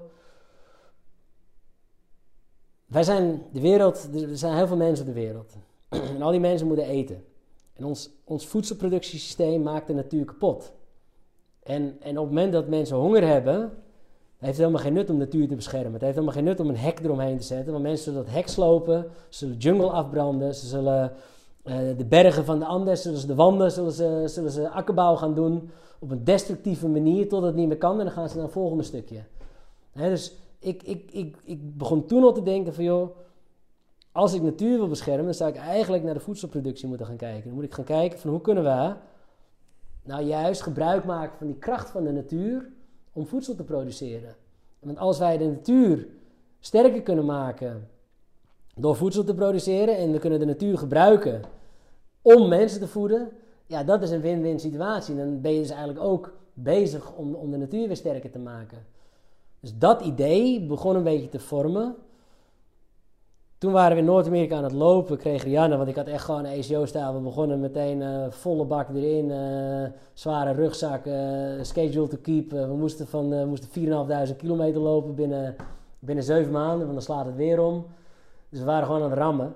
En, en zij had dat pijntje in de knie. Ik denk, ja, kop dicht doorlopen. Nee, maar uiteindelijk, ja, uiteindelijk, uiteindelijk had ze dus wel echt problemen. En dat is, daar heb ik achteraf gesproken, ik maakte er een grapje van, maar ik schaam me daarvoor. Hoe ik toen nog met bepaalde mindset, uh, maar dacht dat iedereen Maar even technisch, hè, gezien, uh, looptechnisch gezien. Ja. 4.500 kilometer, 7 maanden, hoeveel is dat dan per dag? Ja, weet ik niet precies, maar voor mij moet je op een gegeven moment moet je toch wel... Uh, moet wel rond de, op een gegeven moment uitkomen 30 kilometer per dag. Uh, maar dat is dan geaccidenteerd ja, terrein. Ja, over, over Bos, geitenpaadjes door de bergen heen. Is alleen maar door natuur. Dus 30 kilometer is echt veel. Ja, je, je, je, moet er ook rustig aan beginnen en steeds fitter worden. En op een gegeven moment, op een gegeven moment loop je 40 kilometer per dag. Hè? Want het, je doet niets anders. Het is je leven. Is wat je doet. Ja, het, ja, Wij zijn veel te hard van stapel gelopen. Jij dus. En, uh, ja, en, en ik heb dat helemaal niet goed aangepakt. Uiteindelijk had zij dus dusdanig pijn in de knie dat ze helemaal niet meer kon lopen. Moesten we stoppen. Wat natuurlijk ook nog extra moeilijk is om dat dan toe te geven, het falen. En, um, Zij of, of jullie als paar? Ja, wij, ik, ik stond ook natuurlijk. Hè. Dus ja, wij, nee, maar wij, wat, faalden. Faalt zij dan of falen jullie of faal jij? Wat, wat dan? Ja, als, als, als, als, als stel. Oké. Okay. Gewoon in ons, in, in, ons, in ons avontuur, precies. Ja, oké. Okay. En, um, en uiteindelijk moet je iets anders bedenken. Van, uh, en toen, toen zij kenden dat woefen, willing workers on organic farms. Dus dan ga je eigenlijk gewoon als vrijwilliger bij een biologische boerderij aan de slag. Je werkt vijf uur per dag, vijf dagen per week. En in ruil daarvoor krijg je onderdak en, uh, en voedsel. Zij had dat al in Nieuw-Zeeland gedaan. Zeg je, is dat niet wat? En dan uh, kan jij misschien jouw idee wat verder ontwikkelen. Dus, uh, dus een boerderijtje gevonden onder Santa Cruz in Californië. Even de mooiste plek op aarde, denk ik. We hebben nog even die Redwood Forest langs de kust. En, en, en, en daar is ook een surfen ook echt uitgevonden en zo. Ja, niet uitgevonden, want dat komt Hawaii, maar... maar daar, um, dus Jack jullie pakten je spullen op, de knie werd bekeken, ja. er is geen kans meer, we gaan wat anders doen. Wij gingen naar die boerderij en wij gingen daar uh, werken op de boerderij. En daar uh, zat daar ook zo'n klein bibliotheekje op de boerderij met allemaal boeken over natuur inclusief boeren en zo. En er was een boek van Steven Gleesman, dat heette Agroecology. En dat boek beschreef eigenlijk alles wat ik uh, autonoom in mijn hoofd al had bedacht. En het bleek gewoon van, joh, het bestaat. Mensen doen het. Je kan het ook leren. Uh, je kan het studeren zelfs. En, en toen dacht ik bij mezelf, ja, weet je, dit is het. Dit, dit moet ik gaan doen. Ik moet, ik moet agro-ecologie gaan leren. En uiteindelijk moet ik het gewoon gaan doen. Ik moet gewoon een boerderij beginnen. En uiteindelijk hebben we daar twee maanden gezeten. Is de knie hersteld. Hebben we nog pak een beetje 1500 kilometer erbij gelopen. Dwars door de bergen en de Washington naar de Canadese grens zijn we terug naar Nederland gekomen. Twee weken nadat we terug in Nederland waren, toch besloten dat, uh, dat het uit zou uh, gaan. Samen hebben we dat eigenlijk uh, in overleg gedaan. En, um, en toen heb ik me aangemeld bij Wageningen. Om een master biologische landbouw, specialisatie agroecologie te doen. Want dat bestond dus inderdaad. En, maar wat was het breekpunt in die relatie dan? met name gewoon dat we erachter kwamen dat, dat, dat, dat we elkaar niet uh, mooier en groter maakten, maar eigenlijk elkaar uh, tegenwerkten in de ontwikkelpunten die we hadden. En dat, dat we daarin in een soort visuele cirkel zaten waar we niet uit waren geslaagd. We waren er niet in geslaagd om eruit te komen. Dus beseften we van, nou weet je, dat is beter als we onze eigen weg gaan. Maar dat had, hadden jullie, jij, beter moeten aanpakken door bijvoorbeeld niet als een bezetene te beginnen. Was dat, was dat een van die onderdelen waarop het verkeerd... Hè? Dus we gaan eerst 10 kilometer en dan gaan we al lerend gaan we trainen en weet ja, ik dat, wat. Dat soort dingen hebben we allemaal voor frictie gezorgd, maar... Um, dat was niet de kern van het probleem. Nee, waar het, waar het een beetje op neerkomt is dat ik probeer altijd dingen groot te doen. Ook zo'n boerderij. Ik, ik, ik probeer dat, ik zoek de media op, ik vertel het verhaal. eh, het moet een succes worden, het moet groot zijn en dit en dat. En ze had juist hun leven ingericht om heel klein te zijn. Ja. En Wel zij- grappig dat zij dan ook weer van zo'n, of ook, jullie, nou, jij dan ook, maar van zo'n hotelschool komt. ja, dat was heel, heel, Ja, maar heel grappig. Maakt dat Ja. dan, wordt het daar zo commercieel benaderd dat, dat of je gaat helemaal de commercie, je wordt daardoor opgesleurd, je wordt daar succesvol in. Er zit natuurlijk een hele hoop tussen wat er niks. Of je gaat dan, hè, in jullie geval dan, die hele andere kant op. Ja, grappig genoeg woont hij net over de grens. Dat is trouwens Duitsland, hè, die wonen daar. We zitten hier echt net aan de grens, ja. Oh. En eh, net over de grens zit ook een soort eh, hippie woongemeenschap, de Vlierhof. En daar wonen 10, 15 mensen samen, we hebben ook een tuinrijtje en dat soort zaken. En daar zit dus ook een vrouw die eh, vijf jaar voor mij hotelschool Den Haag Oh ja. heeft gedaan. dus ja, weet je, het is altijd... ik zal niet zo'n eh, generalisatie trekken, dat was wat jij net voorstelde, maar het is grappig genoeg wel om dat te Ja. zien. Ja. Oké, dus dan ga je naar Wageningen. Dan ga je dus iets stu- studeren waar dus je, waardoor je dus geïnfecteerd bent. Hè? Dat, Ja. dat, wat, wat voldoet aan jouw verwachting van jezelf om een vervolg te geven na je militaire carrière. Maar je hebt voor de rest helemaal geen kennis. Je hebt Nee. alleen belangstelling. Ja, Of intense belangstelling. Ja, dat was ook nog een wonder dat ze me toelieten. Want ik had natuurlijk eh, HBO hotelschool en eh, een jaartje KMA. Dat zijn natuurlijk niet de diploma's die je moet hebben om een, eh, om een exacte master aan de universiteit te doen. Maar je Dus hebt ik, ze eh, verteld waarom ze jou moest aannemen. Precies. En toen zeiden ze, ja dat kan. Maar dan moet je eerst een half jaar schakeltraject doen. En dan moet je de maximale hoeveelheid studiepunten die in een half jaar te verdienen vallen, moet je ook halen. En je studieadviseur bepaalt samen met jou welke vak je dan moet volgen. En ik had dus eh, destijds op het VWO had ik zo'n soort pretpakket. Dus ik had geen Je wiskunde had geen B, beta. Ik had geen wiskunde B, geen Nou. scheikunde, geen natuurkunde, geen biologie. Doen jou, hebben je Eh, ouders toch nog iets fout gedaan? nee, ja, dat was dus juist ook een beetje... ah, bij mij houden die zich verzetten daartegen. En ook gewoon een gebrek aan interesse. Dus in dat half jaar moest ik keihard in de bak om... eh, mijn vader die kwam dan in het weekend kwam hij Oh, in Wageningen kwam hij me scheikundeles Oh, geven. leuk. Ja. En, eh, en statistiek en wiskunde moest ik allemaal doen. Dat heeft hij En, mooi eh, gevonden dan. Ja, ja, Ja, dat vond hij Ik prachtig. had letterlijk Dat bijna. RSI, omdat ik gewoon tot drie uur s'nachts zat ik dan wiskundesommetjes te maken op mijn kamertje in Wageningen en dat soort dingen zo. En vanaf Want dan ben je dus, hoe oud ben je dan? 36. Oké. En, eh, en, en het voelde vanaf het eerste moment dat Wageningen zei van je mag beginnen, voelde het als een ongelooflijk voorrecht. Hm. Dat ik gewoon de mogelijkheid krijg, om, om, hè, ook omdat je nog niet eerder een universitaire studie hebt gedaan, kost het mij volgens mij 1800 euro per jaar of zoiets om dan aan lesgeld. En dan mocht ik gewoon opnieuw vormgeven aan mijn leven. En mocht ik daar een studie gaan doen en al die kennis die ik wilde, op de beste landbouwuniversiteit ter wereld, kon ik gewoon tot mij nemen. Ja. Er waren professoren die hun leven niks anders hadden gedaan, die enthousiast werden dat ik hun vragen stelde. Ik was Ja. waarschijnlijk ook een ontzettend irritante student, want iedereen zal gedacht hebben van, god, heb je die die kerel weer. weer, ja. Ze hadden altijd vooraan, was altijd op tijd, altijd mijn klauwen omhoog, had Ja. altijd mijn huiswerk gemaakt. Ja, ja, ja, ja, ja. Maar het voelde echt als een voorrecht. Ik heb daar zoveel plezier, ik heb daar zo hard gewerkt, maar ik heb daar zoveel plezier gehad. Ik heb daar zoveel Hm. Ja, maar dat heb ik wel van meer kerels gehoord. En dat heeft helemaal niks met dat militaire te maken. Maar omdat ze dus hè, in Roosendaal hebben gezegd, heb ik het over dienstplichtige tijd. En daar dus al een soort ontgroening hebben gehad. Die komen dan op latere leeftijd, 22, 23 jaar, komen ze in het studentenleven. Hebben het al gezien en gaan keihard aan het werk. Ja. Om zo snel mogelijk die studie af te ronden. Ja. Opdat ze aan het werk, opdat ze aan het werk moeten. Nou, dat Ja. had jij natuurlijk ook. Maar jij hebt dan ook nog een missie daarbij. Ja, ja en, en, en wat je dus ook ziet is wel, wat ik al net een beetje aanhaalde van in Nederland, is dat heel erg, ehm, je moet je zaken voor elkaar hebben in Nederland. Je moet je juist opleiding hebben, je moet werkervaring hebben. Het liefst heb je ook nog een of andere ehm dispuutvoorzitter ben je geweest of zo, is die Nou ja, extracurriculaire... CV vullen. Ja, weet je, al die zaken. Dus het liefst ben je, ben je 24, heb je een dubbele master, drie jaar werkervaring en kan je bij een consultancy aan de slag met een vast contract. Ja. Weet je, dus wat er gebeurt is, tijdens de middelbare school ben je 16 jaar oud, moet je je beroepskeuze doen, dan kies je iets, dan ga je daar een bachelor in halen. Na je bachelor moet je er meteen een master in doen, na je master ga je meteen werken. Dus heb je eigenlijk op je 16 heb je besloten wat je de rest van je leven je carrière gaat doen. Ik ben nu niet meer dezelfde persoon die ik was toen ik 25 was. Toen ik 25 was, was ik niet meer dezelfde persoon als toen ik 16 was. Sommige andere landen zie je dat je na je bachelor is het heel normaal om eerst maar eens 4, 5 jaar te gaan werken. Dan in je werk te leren, oké, wat vind ik nou echt fucking interessant? Weet je, waar heb ik echt passie voor? En dan ga je terug. En Ja. dan doe je master, dan doe je specialisatie. En dat zie je dus, weet je, dat Ne- in Nederland, omdat het maar moet voor je cv, doe je maar een master. Maar ik kwam daaraan, en misschien ook die, die jongens waar jij het over had, die weten inmiddels wat ze willen. Ja. En dan kom je daar met een heel ander idee kom je daarheen. Dan denk je van, oké, Ja. ik weet wat ik wil en ik kom hier om het te halen. Ja.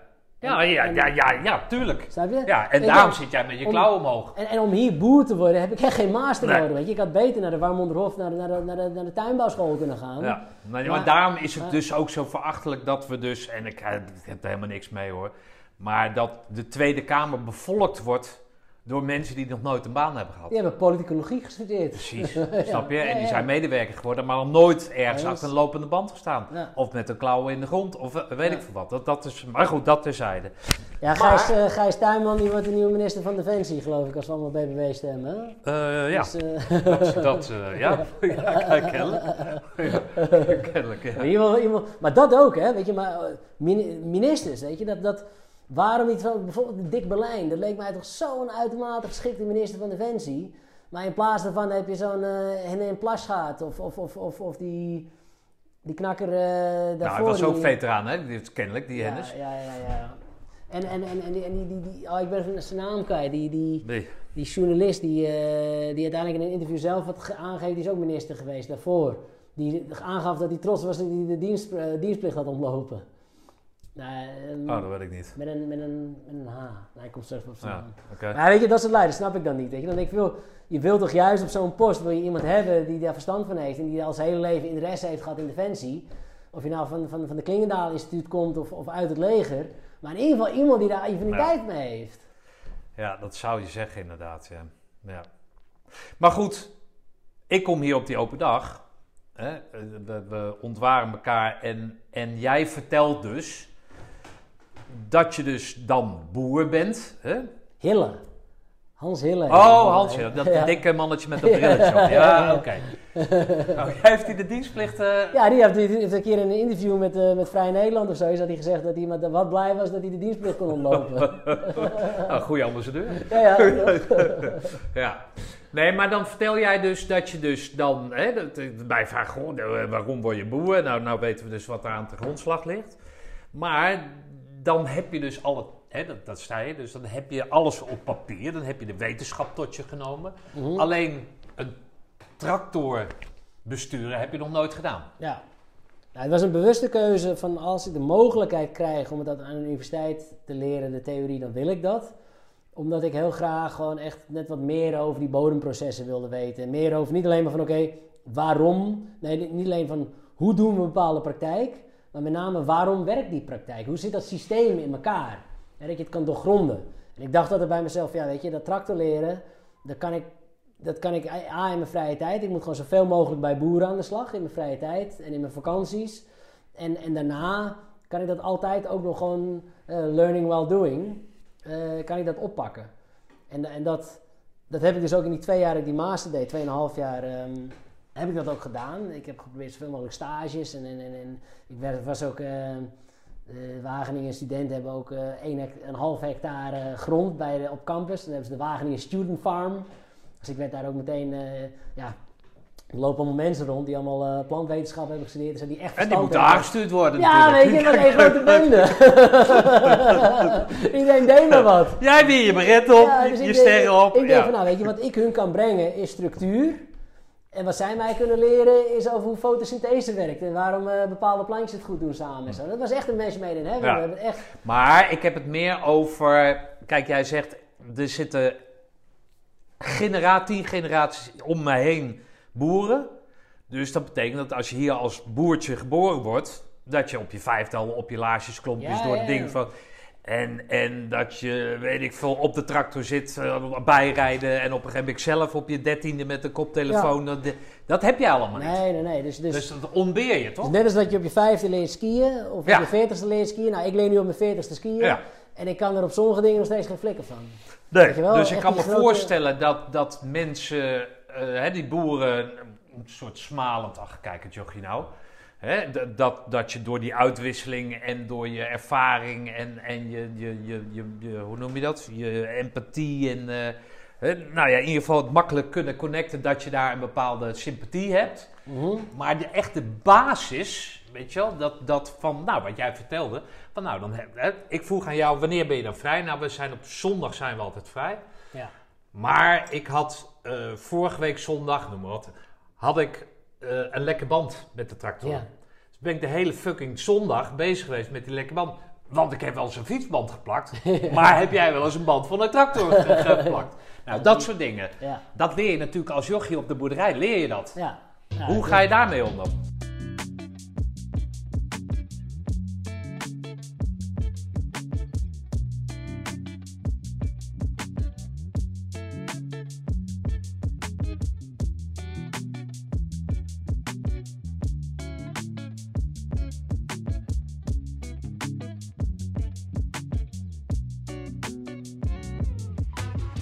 Maar goed, jij ontbeert die kennis, Ja. maar dan komt het ondernemerschap om de hoek. eh.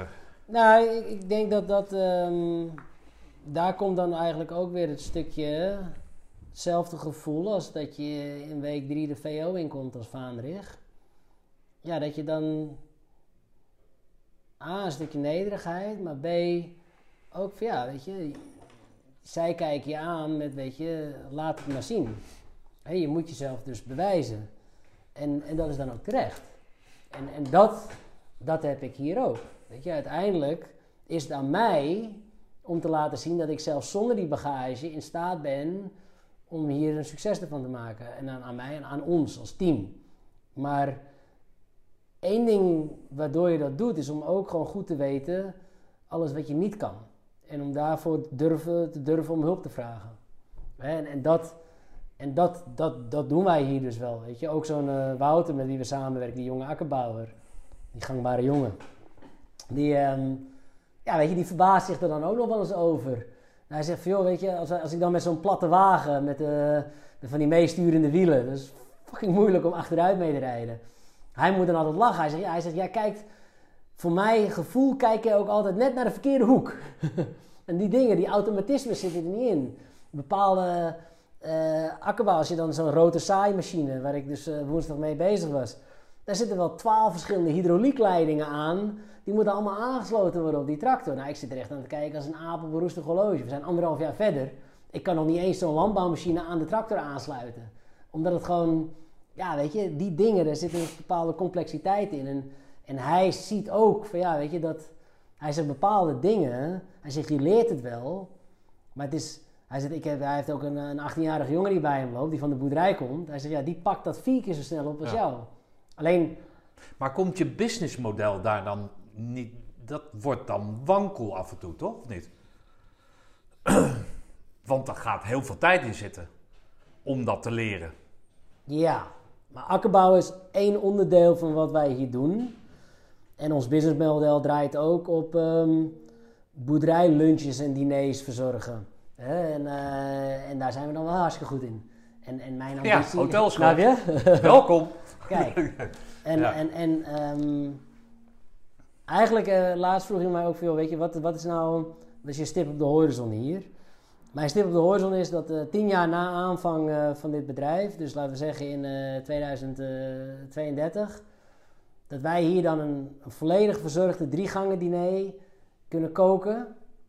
Voor een groep van 30 mensen, wat dan ook.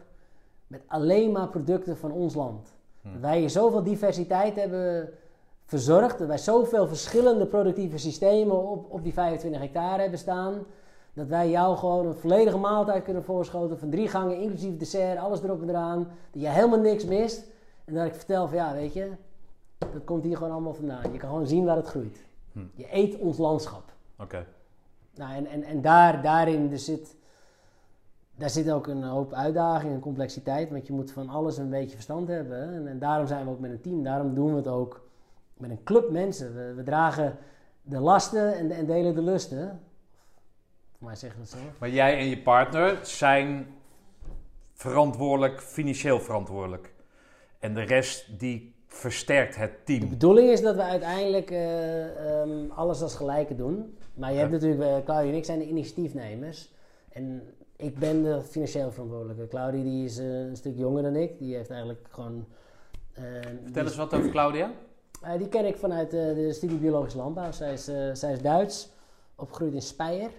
Haar ouders waren, zijn opgegroeid in Oost-Duitsland. Dus meteen naar de muur viel, eh, zijn ze naar het westen verkast. En ehm volgens mij een jaar na de muur viel, liefde haar vader een Lamborghini. Hij had helemaal geen geld, maar, maar hij liefde een Lamborghini. Want zo waren, ze waren heel erg gefocust op al datgene wat ze nooit hebben gehad. Ik denk Maar dat ja, Lamborghini is natuurlijk wel even, even een, een leveltje hoger dan. Ja, ja, ja, weet je, hij heeft ook gewoon al zijn geld eh, ging, ging daar naartoe op dat moment. En ik denk dat Claudie zich daarin onbewust ook een stukje verzet heeft tegen die consumptiemaatschappij. En dus de, zij, zij gaat daar niet in mee, met de, zoals haar ouders leven. Dus uiteindelijk heb ik haar tegen, de- we zijn met elkaar tegengekomen in, in Wageningen. Zij ging eh, tijdens corona ging zij haar scriptie en stage doen in Berlijn. Toen werd het wat moeilijk om een, eh, om een relatie te onderhouden. Dus toen, eh, ik was mijn scriptie toch ook online aan het schrijven. Toen ben ik ook naar Berlijn verhuisd. Dus in- we zijn eigenlijk in... Vorig jaar februari zijn we vanuit Berlijn hier naartoe verhuisd. En toen was Claudia ook al acht weken zwanger. Dus eh, we zijn hier eh, in Millingen aan de Rijn, of buiten Millingen aan de Rijn, in the middle of nowhere, geland. Acht weken zwanger en we gingen een boerderij beginnen. Dus vorig jaar was, eh, vorig jaar was ook een pittig jaar. Hm. Maar ehm, nee, dus ja, eh, we doen het samen. En, ehm, en op dit moment heb ik eigenlijk gewoon alle spaarcenten die ik uit het leger heb meegenomen, die zitten hier nu in. We krijgen financiële ondersteuning vanuit het land van ons. En nog is het de vraag of we het gaan halen. Dus ja, er, er zit zeker een, een existentiële onzekerheid hier. Van weet je, gaat het uitkomen? Want op dit moment kost het klauwen met centen. Eh, betalen, betalen we onszelf geen salaris uit. En, eh, en is het nog maar elke keer kijken of de rekeningen betaald kunnen worden. Dus, ehm, Hm. Mogen er, als er hele rijke mensen naar deze podcast luisteren die heel enthousiast worden, ja, geef ons je geld. nee, maar zonder gein. We zijn naartoe aan het werken dat we een CV opzetten. CV de Biesterhof. Ja. Waarbij we eh, de boeren hier als gelijke partners erin zitten. En waarbij we een stille vennoot hebben, Stichting Slijpnier. Dat is een stichting met ambi-status, zodat het ook makkelijk wordt voor mensen. Ik denk dan bij mezelf, ja, weet je, iedereen. die- Slijpnier. ja, zo heet het. Oh, Slijpnier is de, de, de achtbenige paard van Odin in de Noorse mythologie. En Odin is weer zo'n groentecoöperatie die eh, her en der in Nederland wat winkels heeft. En zij hebben hier destijds al over nagedacht, over hoe kunnen we onze financiering vormgeven. Wij zitten hier op andermans grond. Hè? De, de maatschappij heeft eigenlijk al, de gemeenschap heeft deze grond al gekocht. Daarnaast denk ik, ja, iedereen die hier komt, die zegt wat fantastisch dat jullie dit doen en wat goed en het zou meer moeten en dit en dat. Alleen, ja, toch worstelen wij om dit van de grond te krijgen. En met ons om ons heen heel veel andere mensen die dit soort ideeën hebben. Vanwege die true cost pricing die er nog niet is. Ehm, dus ik dacht er ook te denken, van, ja, weet je, voor mij zijn er in Nijmegen zijn er wel... eh, voor mij zijn er zat mensen die, die op het juiste moment een aantal bitcoins hebben gekocht... en die nu nu een paar miljoen op de bank zitten, die, die gewoon niet weten wat ze ermee moeten. En denk van, ja, stop het hierin. Alleen dan wil je het wel mensen makkelijk maken. Dus enerzijds heb je dan een soort stichting nodig, maar anderzijds... Dat geld gaat niet naar Howard. Hè, dat geld gaat naar de Biesterhof. Maar als je kijkt naar eh, juridische, financiële structuren, dan is het onmogelijk om hier niet een bedrijf te hebben. En dat bedrijf, als het een BV is, is dan van de eigenaren. Die hebben allemaal aandeel erin. En dat betekent dat het bedrijf, je zit hier op andermans grond, je maakt er een mooi businessmodel van, mensen, het gemeenschap schenkt je geld, daardoor wordt het een florerend succes.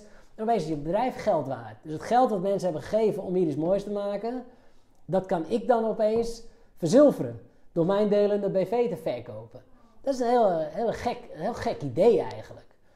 Dus met Stichting Slijpnier in je communitaire vennootschap.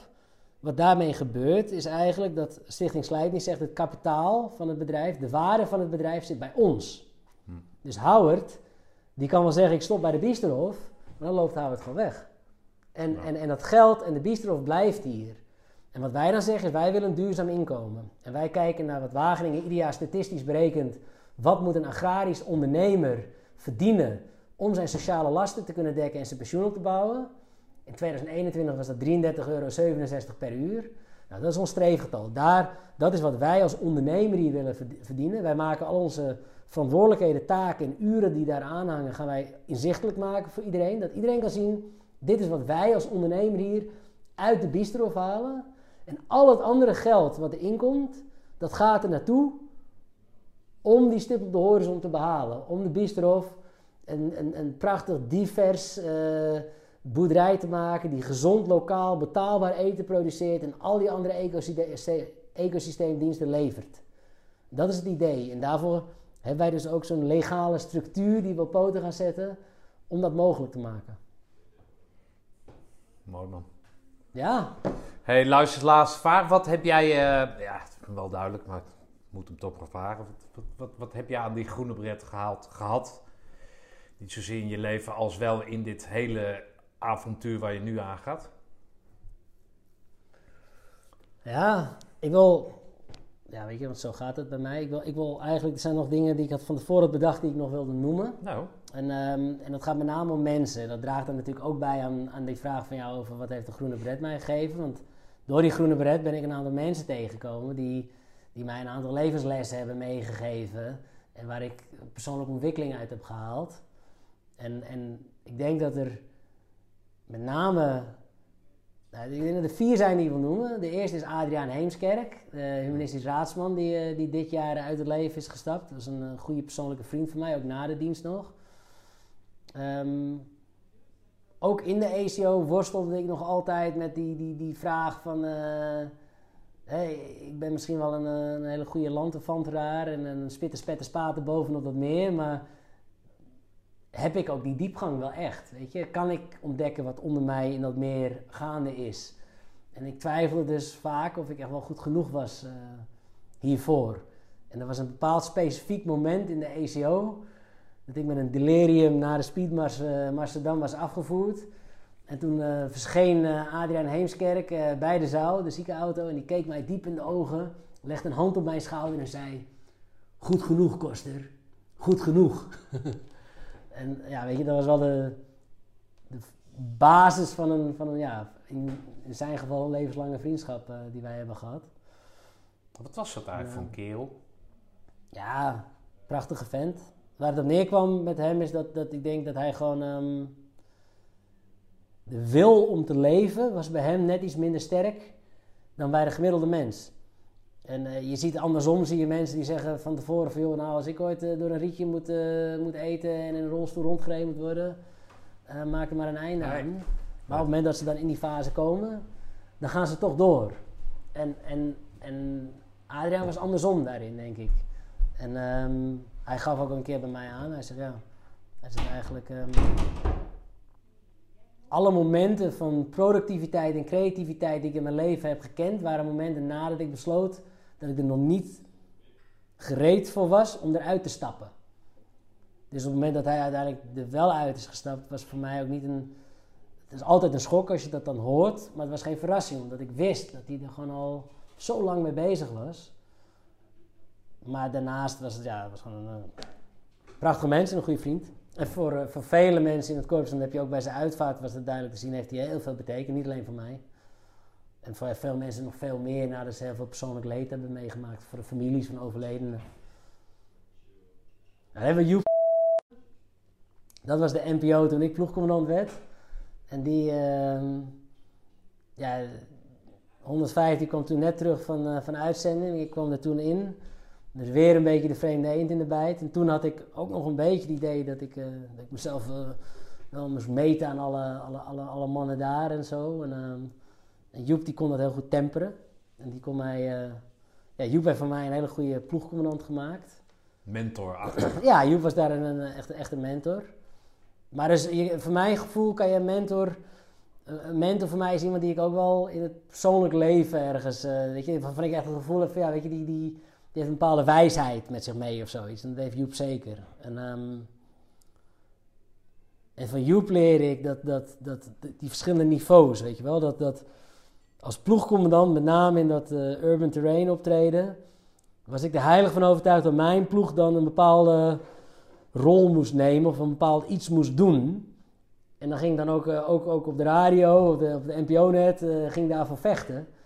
En Joep die kon mij dan achteraf altijd heel rustig uitleggen. Van ja, oké, op jouw niveau was dat tactisch misschien verreweg het beste om te doen op dat moment. Alleen, je hebt verschillende niveaus. Hij zegt, en ik heb te maken met meerdere ploegen. En soms wel meerdere andere eenheden ook. Die ook allemaal iets moeten bewerkstelligen.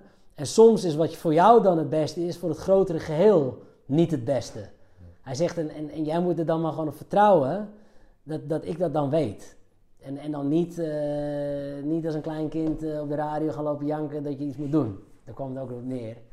Dat, dat weet je, ook gewoon in het leven is dat wel mooi, weet je wel. Dat, dat jouw belang is niet altijd het grotere belang. En, Ja, het is terugkomend ding bij jou natuurlijk. ja, en, Ja. en dat je ook eh, verschillende perspectieven hebt die het ook verschillend zien. En ook allemaal een eigen waarheid hebben die ook allemaal waar is. Ja. En dan ehm, Ben, die was dan de combiescommandant toen ik NPO was. Die heeft mij geleerd, er is verschil tussen eh, gelijk hebben en gelijk krijgen. Dus pick your battles, weet je. Stop je energie in datgene waar je echt gelijk wil krijgen. En niet altijd bewijzen dat je gelijk hebt, want dat is irritant, kost heel veel energie. En uiteindelijk maak je daar vijanden mee. Nou, dat is wel een goede, een goed Ja. besluit. Want ja, ja, Ja, ja toch? je weerspiegelt het goed. inderdaad. Ja. En dan als laatste, omdat het niet alleen maar officieren zijn waar je van kan leren, was mijn, eh mijn 2IC als eh, ploegcommandant, eh Geert. Nog steeds eh, eh, in dienst en eh, ben nog bij het KST, bij de. En hij was gewoon, hij is in sommige dingen echt de tegenpool en ik. Hij is de rust zelf. hij is een zeeuw ook. En, Jean Muir nu. ja, ik denk het wel. En, ehm, ja, hij kon gewoon soms, dan was ik weer een of ander groot eh, verhaal aan het houden voor de ploeg, een hoog van de toren aan het blazen. En dan stond hij achter me, letterlijk stond hij dan achter me. En dan tikte hij me even op mijn schouder en dan draaide ik om en dan deed hij alleen, maar... nu even je mond houden. Maar dat deed hij dan ten overstaan van iedereen, weet je. Maar het was, ja, fantastisch, weet je. Gewoon ook weer dat, dat, dat stukje, stukje, stukje nederigheid misschien nog even eraan herinneren. Van, joh, hou het, het is goed zo, hè. Je hoeft niet eh, altijd centraal te staan. Dus dat, dat, dat zijn mensen die ik eh, in, mijn, in mijn diensttijd en bij de commanders eh, die mij dingen hebben bijgebracht. Gewoon over leiderschap, maar ook gewoon over, over mens zijn. En, ja, ik denk de, de groene bret, het heeft, ja, het, heeft, het heeft, heeft wel degelijk dus mij, mijn grenzen laten verkennen. En, en ook dat je soms over die grenzen heen kan gaan als het, als het nodig is. Dat je een bepaalde knop om kan zetten. Ook dat die grenzen daarvoor een reden zijn. Dat je dus niet altijd over die grenzen heen moet gaan. Dat het ook niet heel gezond is om dat altijd te doen. En wat ik, wat ik daarna heb geleerd, op een gegeven moment in het leger, en dan pak je eigenlijk die uitzendingen mee. En dan, eh, weet je, je bent ook wel fysiek ben je een beetje top of the bill. En, eh, en je verdient eh, best wel wat geld. En, dan, dan op een gegeven moment dacht ik wel van, joh, weet je, ik heb eigenlijk alles eh, geleerd over mezelf wat er te leren valt. Ik ben over die grens heen gegaan, ik ken het allemaal wel. En toen ging het leger uit. En langzaam ben ik het meer gaan zien als dat mijn karakter is een soort tuintje. En dat tuintje is 360 graden om mij heen. En, en, en binnen de hotelschool en binnen Defensie heb ik eigenlijk alleen maar mijn voortuin, die in mijn zicht is. Die heb ik water gegeven, weet je. En daar staan allemaal mooie bloemen en mooie planten en daar ging het heel goed mee. Maar, maar achter me heb ik ook nog tuin. Weet je wel, de wat onderbelichtere karaktereigenschappen en delen van mezelf. En, en die hebben eigenlijk nooit water gekregen. En die hebben nooit eh, nutriënten gehad.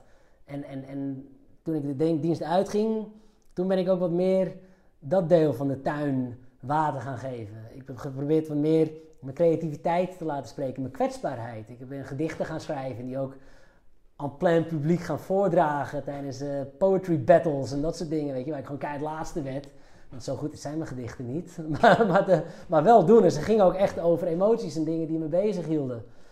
En, en, en dat soort zaken. Dus ik heb ook geleerd van, joh, ook al denk je dat je heel veel van jezelf weet, ook binnen Defensie, je leert een bepaald deel van jezelf kennen. En er is eigenlijk nog veel meer. En binnen Defensie is daar niet altijd ruimte voor, omdat je toch een bepaalde alfa-man moet zijn om geaccepteerd te worden. En, en, en dat, die ontdekkingsreis die daarna volgde, was eigenlijk minstens net zo interessant. Nou, mooi man. Dankjewel. Ja, dankjewel eh dat je al die tijd eh, interessante vragen bleef stellen en uh, naar mijn gouden hoeren hebt geluisterd.